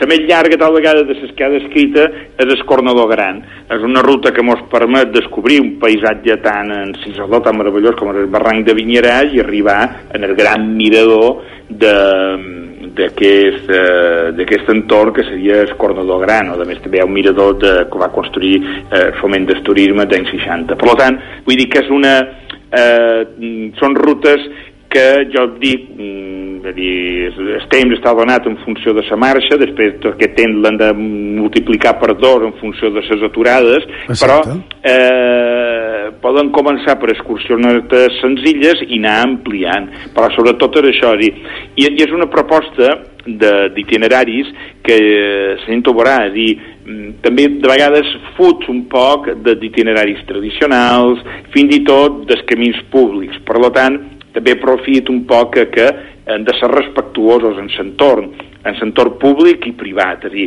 eh, la Serra de Tramuntana, com a patrimoni mundial, ens implica dues coses. Una, que tot tenim dret a gaudir d'ella, i dos, que tots n'han de tenir cura, per tant, és aquesta corresponsabilitat, és una, eh, és una declaració de, de doble dia, per una part, perquè declara que és patrimoni mundial, per tant, tothom té dret a gaudir-ne, però també aquells que són més pròxims, o que vivim més pròxims en aquest, en aquest eh, element patrimonial, han de tenir cura de la seva conservació, sigui públic o privat, per tant han de ser respectuosos.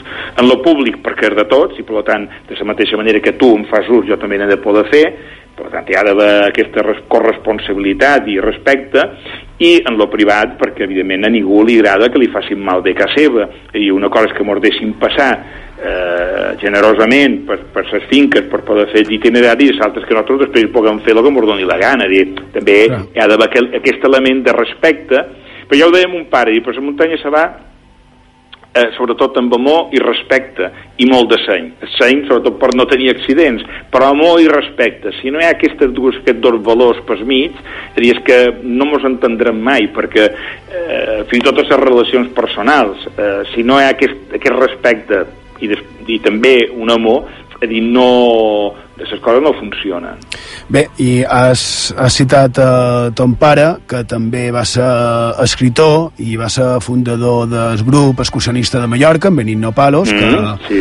que jo, clar, eh, jo ja el coneixia, però quan jo era jove, que també eh, vaig estar dins el món de, del muntanyisme i de, i de s'esplai, etc. Um, clar, ja el coneixia per llibre de, de recull de termes muntanyencs, no? Sí, que va sí, editar sí, sí, aquest sí. llibre negre primat, eh?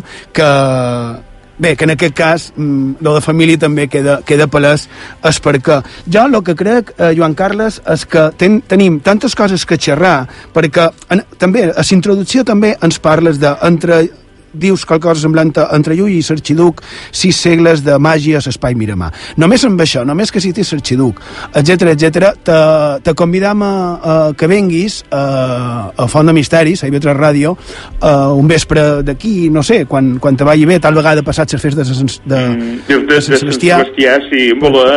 A més, tu, mira, t'has dit una cosa, sortim precisament de Sant Arxidú, que ha estat el 2015, i entrant dins Sant Ramon Llull, que, que serà tot aquest 2016.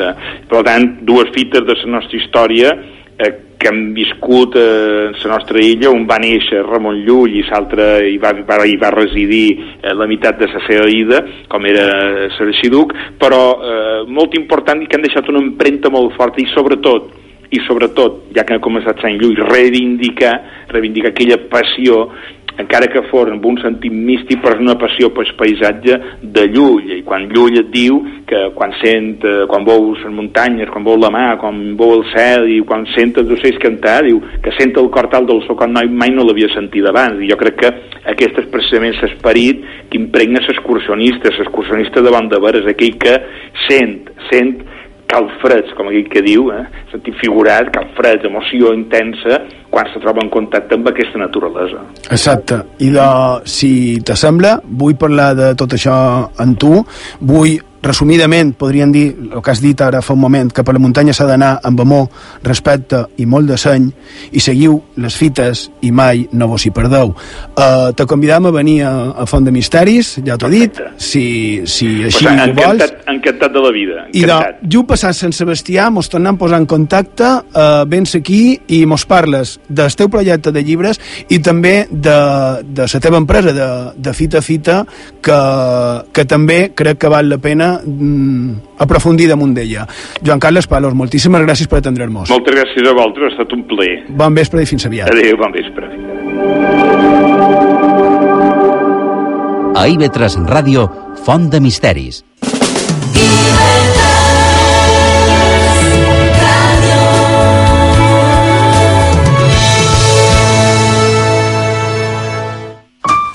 Maria, s'ha acabat ja. En temes sexuals han de ser clars i no mos han d'amagar, eh? Ai, Joaquim, saps que n'hi ha desconeixements i no te pots fer una idea dels mites falsos que encara mos envolten. I de no pot ser, les coses s'han d'explicar i s'han de tractar. Han de dir adeu en aquest oscurantisme. No passis pena, tens solució. Perquè la sexualitat és una part important de la vida, la tractam de forma clara a No apaguis el llum. Els dissabtes a mitjanit a IB3 Ràdio, amb Maria Ribo i Joan Guillem Jaume.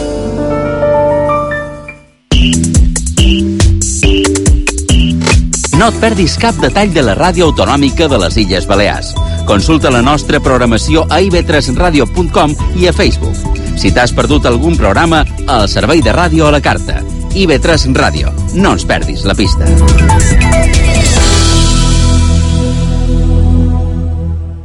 IB3 Ràdio.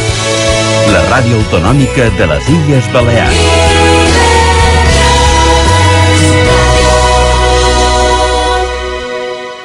Font de Misteris, amb Xema Font.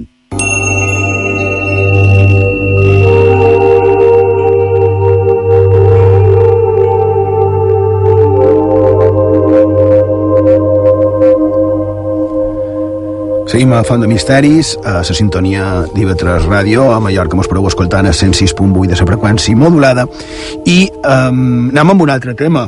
Com no? Clar, a veure, uh, ja ho he dit, uh, m'agrada donar sa, donar una paraula i complir-la, no? Ho vàrem fer amb el llibre de 20 rutes en família per Mallorca, del que acabem de parlar, i també vàrem comentar fa dues setmanes ja quan vàrem estar entrevistant en Juan Villa, que és autor material de, dels personatges, persones i éssers i figures i, i representacions que podem veure encara una, una setmana més en el poble espanyol de Palma a l'exposició de, de Quarto Milenio. Així que, tal i com vàrem dir, vaig anar, vaig anar amb micròfon en mà. Bé, també vaig anar càmera de fotos, càmera de vídeo i una llinterna. Per què una llinterna? Perquè el propòsit era tancar-me allà dintre, de nit, tot sol, cara a cara amb el misteri, no? cara a cara amb aquells monstres, amb els objectes arqueològics, cara a cara en res més que representacions eh, fetes de fibra de vidre, polièster, plàstics, teles, no?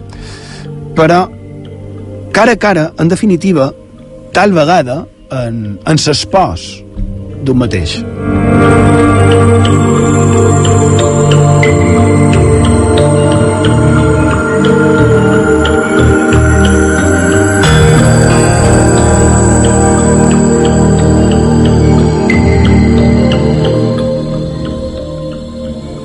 Abans de, de que tanquessin el vespre l'exposició, ja que era, amb el micròfon d'IV3, eh, vaig anar demanant a la sortida eh, a diverses persones mem que els hi va semblar. I Borja, crec que has fet una, un recull eh, una mica aleatori, perquè més o manco... Eh, Sí, m'he engrapat de...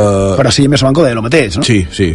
Bé, la opinió general era que era tot fantàstic i meravellós i la gent sortia encantada. I no és per manco. Uh, no, la veritat és que no ho és. Uh, si vols, Miguel, escoltam un parell de talls, els que te venguin més a mà, si vols, de, dels que van tenir uh, això, el detall de, de tendre hermós i de, i de voler conversar amb nosaltres. Ha estado muy bien, la verdad, y como no suele venir nadie importante aquí a Mallorca, pues ha sido un momento único y somos seguidores de Iker desde hace un montón de años, o sea que la verdad es que ha sido emocionante poder ver lo que se ve en el plató, pero en vivo en directo. Pues la exposición de las momias y bueno, la parte de aquí de las muñecas malditas. Ha estat molt bé, hem vist coses molt xules i m'ha agradat molt venir una altra vegada. Un, és com un vampir d'una sèrie, no sé com serà. Sí, no sé com serà. Principi de tot, de vora. No, um, de vora de, um, del llatí. Sí, no farà tu. No es farà tu. Uh, molt bé, he fet una foto i m'ha donat un poc de por. Bueno, és algo, és algo diferent que no havíem vist mai, mai en directe. Estem acostumats a veure la televisió i és, és agradable de veure per nosaltres, a mi m'agrada. És, és molt curiós. Sorprenent. Sí. Però les cares de Belmet, per Sí. exemple, m'apareix molt curiós. Sí. De sí. Sí. I alguna cosa més, sí. Sí, havia regalat en Enriqueta de No, exactament. No ho sabia, no ho No sabia. tenia ni idea. De totes maneres, segurament m'informaré una miqueta més de tota aquesta història. Sí. Em pareix molt curiosa. No deia que molt, molt interessant. Claro, sí, hi ha un parell de coses que hem vist que no, bé, evidentment no sabíem. Sí, sí, sí, sí, perquè tenim... Hem, ho hem, exactament. Sí. És una passada, eh? Les cares de Belmet, sí. Sí. sí. Penses bé. Hi ha coses que te fan que pensar molt, però bueno. Mira, aquesta darrera, la d'abans era, era un infant jove, un nin, que me va, me va agradar molt a més eh, com xerrava. Um, li vaig dir que ho emetrien la setmana passada, que segurament ho emetrien la setmana passada, i l'hem emès aquesta, espero que, que ho escolti i que mos entengui. Després, és que hem parlat de Belmet, el que m'ha agradat és que, eh, parlant d'Enriqueta Martí, la vampires de Barcelona, va dir que eh, això serviria per aprofundir més en aquestes històries, no? I això jo crec que és, és com és que que pretén aquesta exposició. No? Jo crec que ha estat molt interessant que hagi estat. I, que i està molt bé això que dius, però que ha de ser de la part més personal de sa, del moment de, o les hores de, de soledat en sos, en sos mostres, en sos, esos impossibles Mm, curiós. en, en Enriqueta, de vora En Enriqueta, dies, sí. uh, cara a cara, uh, de vespre, tancat, de matinada. La veritat és que eh, vaig fer fotos, vaig fer vídeo, uh, me vaig enregistrar jo mateix, és un tema més, més personal. Uh, és molt curiós. Penseu que l'exposició plena d'aquests monstres estava tancada. Els membres de seguretat varen sortir de l'edifici, me varen deixar tancat a dintre de tot el recinte i vaig anar peça per peça fotografiant peça per peça en la interna eh, mirava d'emprar el flash de tant en tant i, i és curiós perquè hi ha moments que sí sents com a por però és una por que tu dius a dintre però després està el joc de llums. Per exemple, tu il·lumines on estan eh, els muñecos de, de vudú i no te fa por el muñeco de vudú, però sí sombra que es mou a darrere perquè aquella figura petitiva queda reflexida a sa, a reflexada a la paret d'enrere. No? Aquest tipus de coses sí, sobretot també, eh, això va ser la nit de dijous a divendres, de matinada. Feia molt de vent. Estàs allà dintre i senties tots els renaus del món, no? O sigui que la veritat és que sí. I supos que clar, la gran diferència entre la gran multitud de les hores quan està obert en el moment de soledat és que, clar, coneixes gran part de les històries que representen aquests personatges i per ventura són les que fan crear aquesta també una mica de por, podria ser. Uh, clar, però és que a més uh, la circumstància jo he anat uh, un bon grapat de vegades a l'exposició per la meva relació personal amb ells no? i, i n'Àngel que és es, un dels responsables de, de Quarto Milenio que estan just en el final uh, el teniu allà me va dir uh, una cosa semblant a no te quiero sugestionar pero bé, mos, mos hem de veure dimarts però el martes cuando nos veamos te comentaré una cosa. Això ho va dir just en el moment en què se tancava la porta i senties voltar la clau. Ara podríem fer una pujada de música. Sí.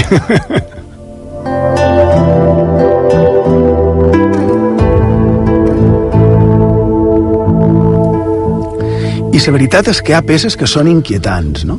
Uh, a més, una altra anècdota és que just uh, estava mirant les uh, pepes i els ninots, aquests maleïts, i just en aquell moment m'arriba un missatge de, de WhatsApp. I el, el telèfon el duia mut per, per tal d'evitar és d'això, l'esglai, no? I, I era en Juan Villa, el creador, que me diu... És casualitat. No, no era casualitat. Ah. Ell ho sabia. Era de vespre, sabia anar a dormir ell perquè era tard. I diu... Però Ah, sobretot... Te, te de dormir. Eh, no, no ho sé, igual estava fent feina. I diu, però sobretot, no obris la vitrina de n'Anabel, no?, de la Pepa aquesta diabòlica. I just el vaig llegir, això és vera, jo era just de vora. I si voleu, me creus, si no, no me creieu. La porteta se va obrir res, dos centímetres. Uh, he d'agrair, uh, i ara diré per què, de, uh, H24, l'empresa de seguretat de, que du el tema de seguretat de l'Expo de Quarto Milenio en el poble espanyol, els he d'agrair les molèsties de tancar-me, haver-me de venir a obrir de, a altes hores de la matinada i, i principalment en en, en en Juanma Ruiz, que és cap de seguretat de l'exposició, i en en Jorge Salvador, que és l'altre membre principal de l'empresa, d'H24.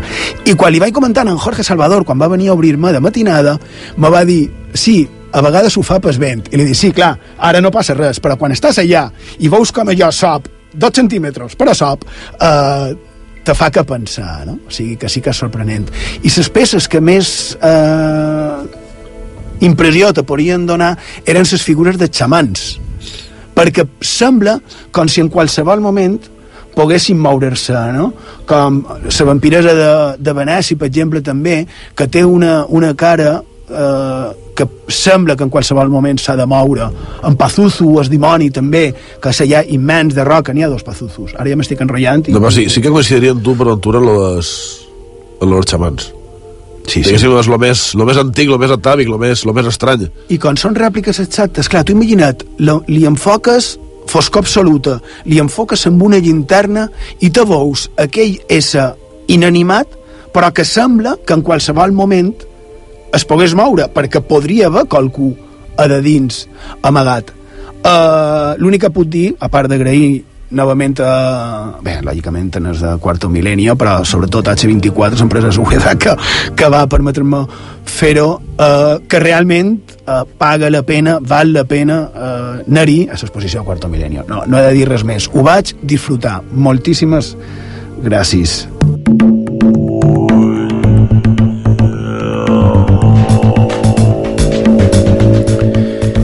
I d'hem arribat a la fi del programa d'avui i esperem que hagueu passat una estona agradable i que hagueu pogut treure qualque cosa de profit d'aquesta font de misteris.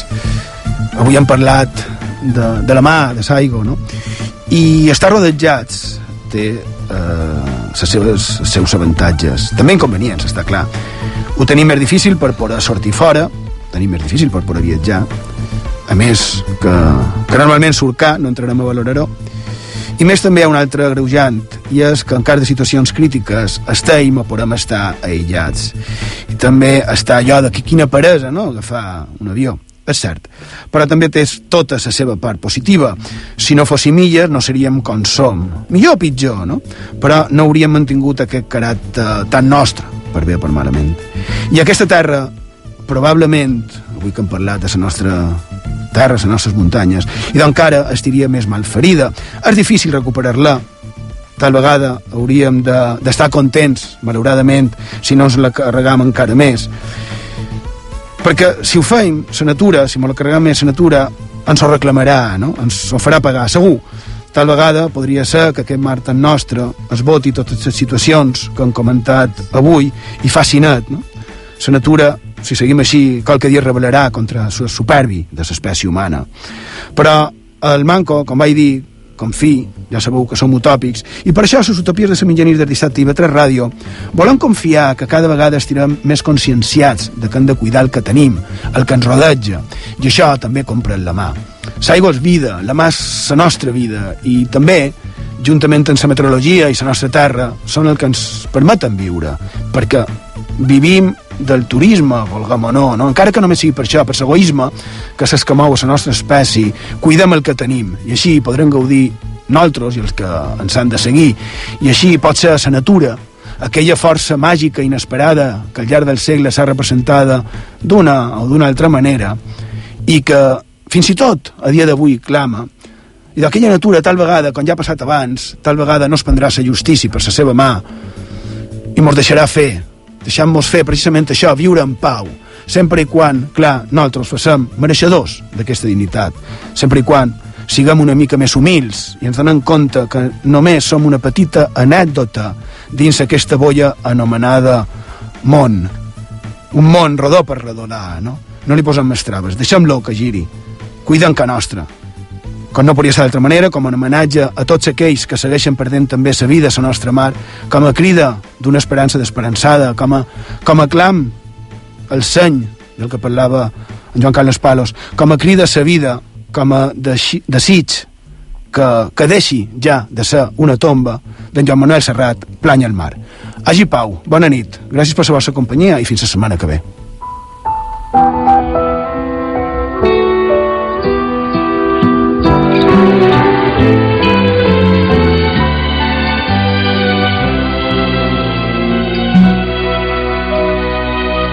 Bressol de vida, camins de somnis, pont de cultures.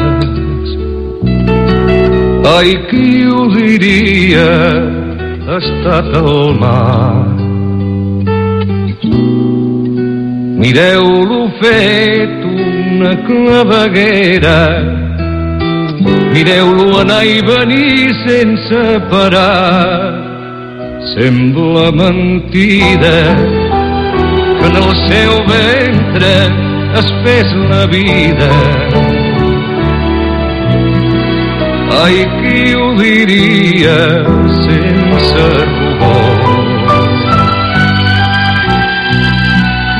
Mireu-lo fet una claveguera ferit d'amor.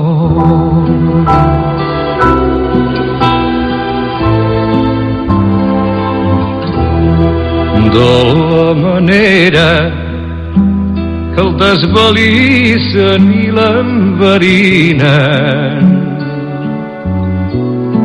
Ai, qui ho diria que ens dona el pa? IB3 Ràdio.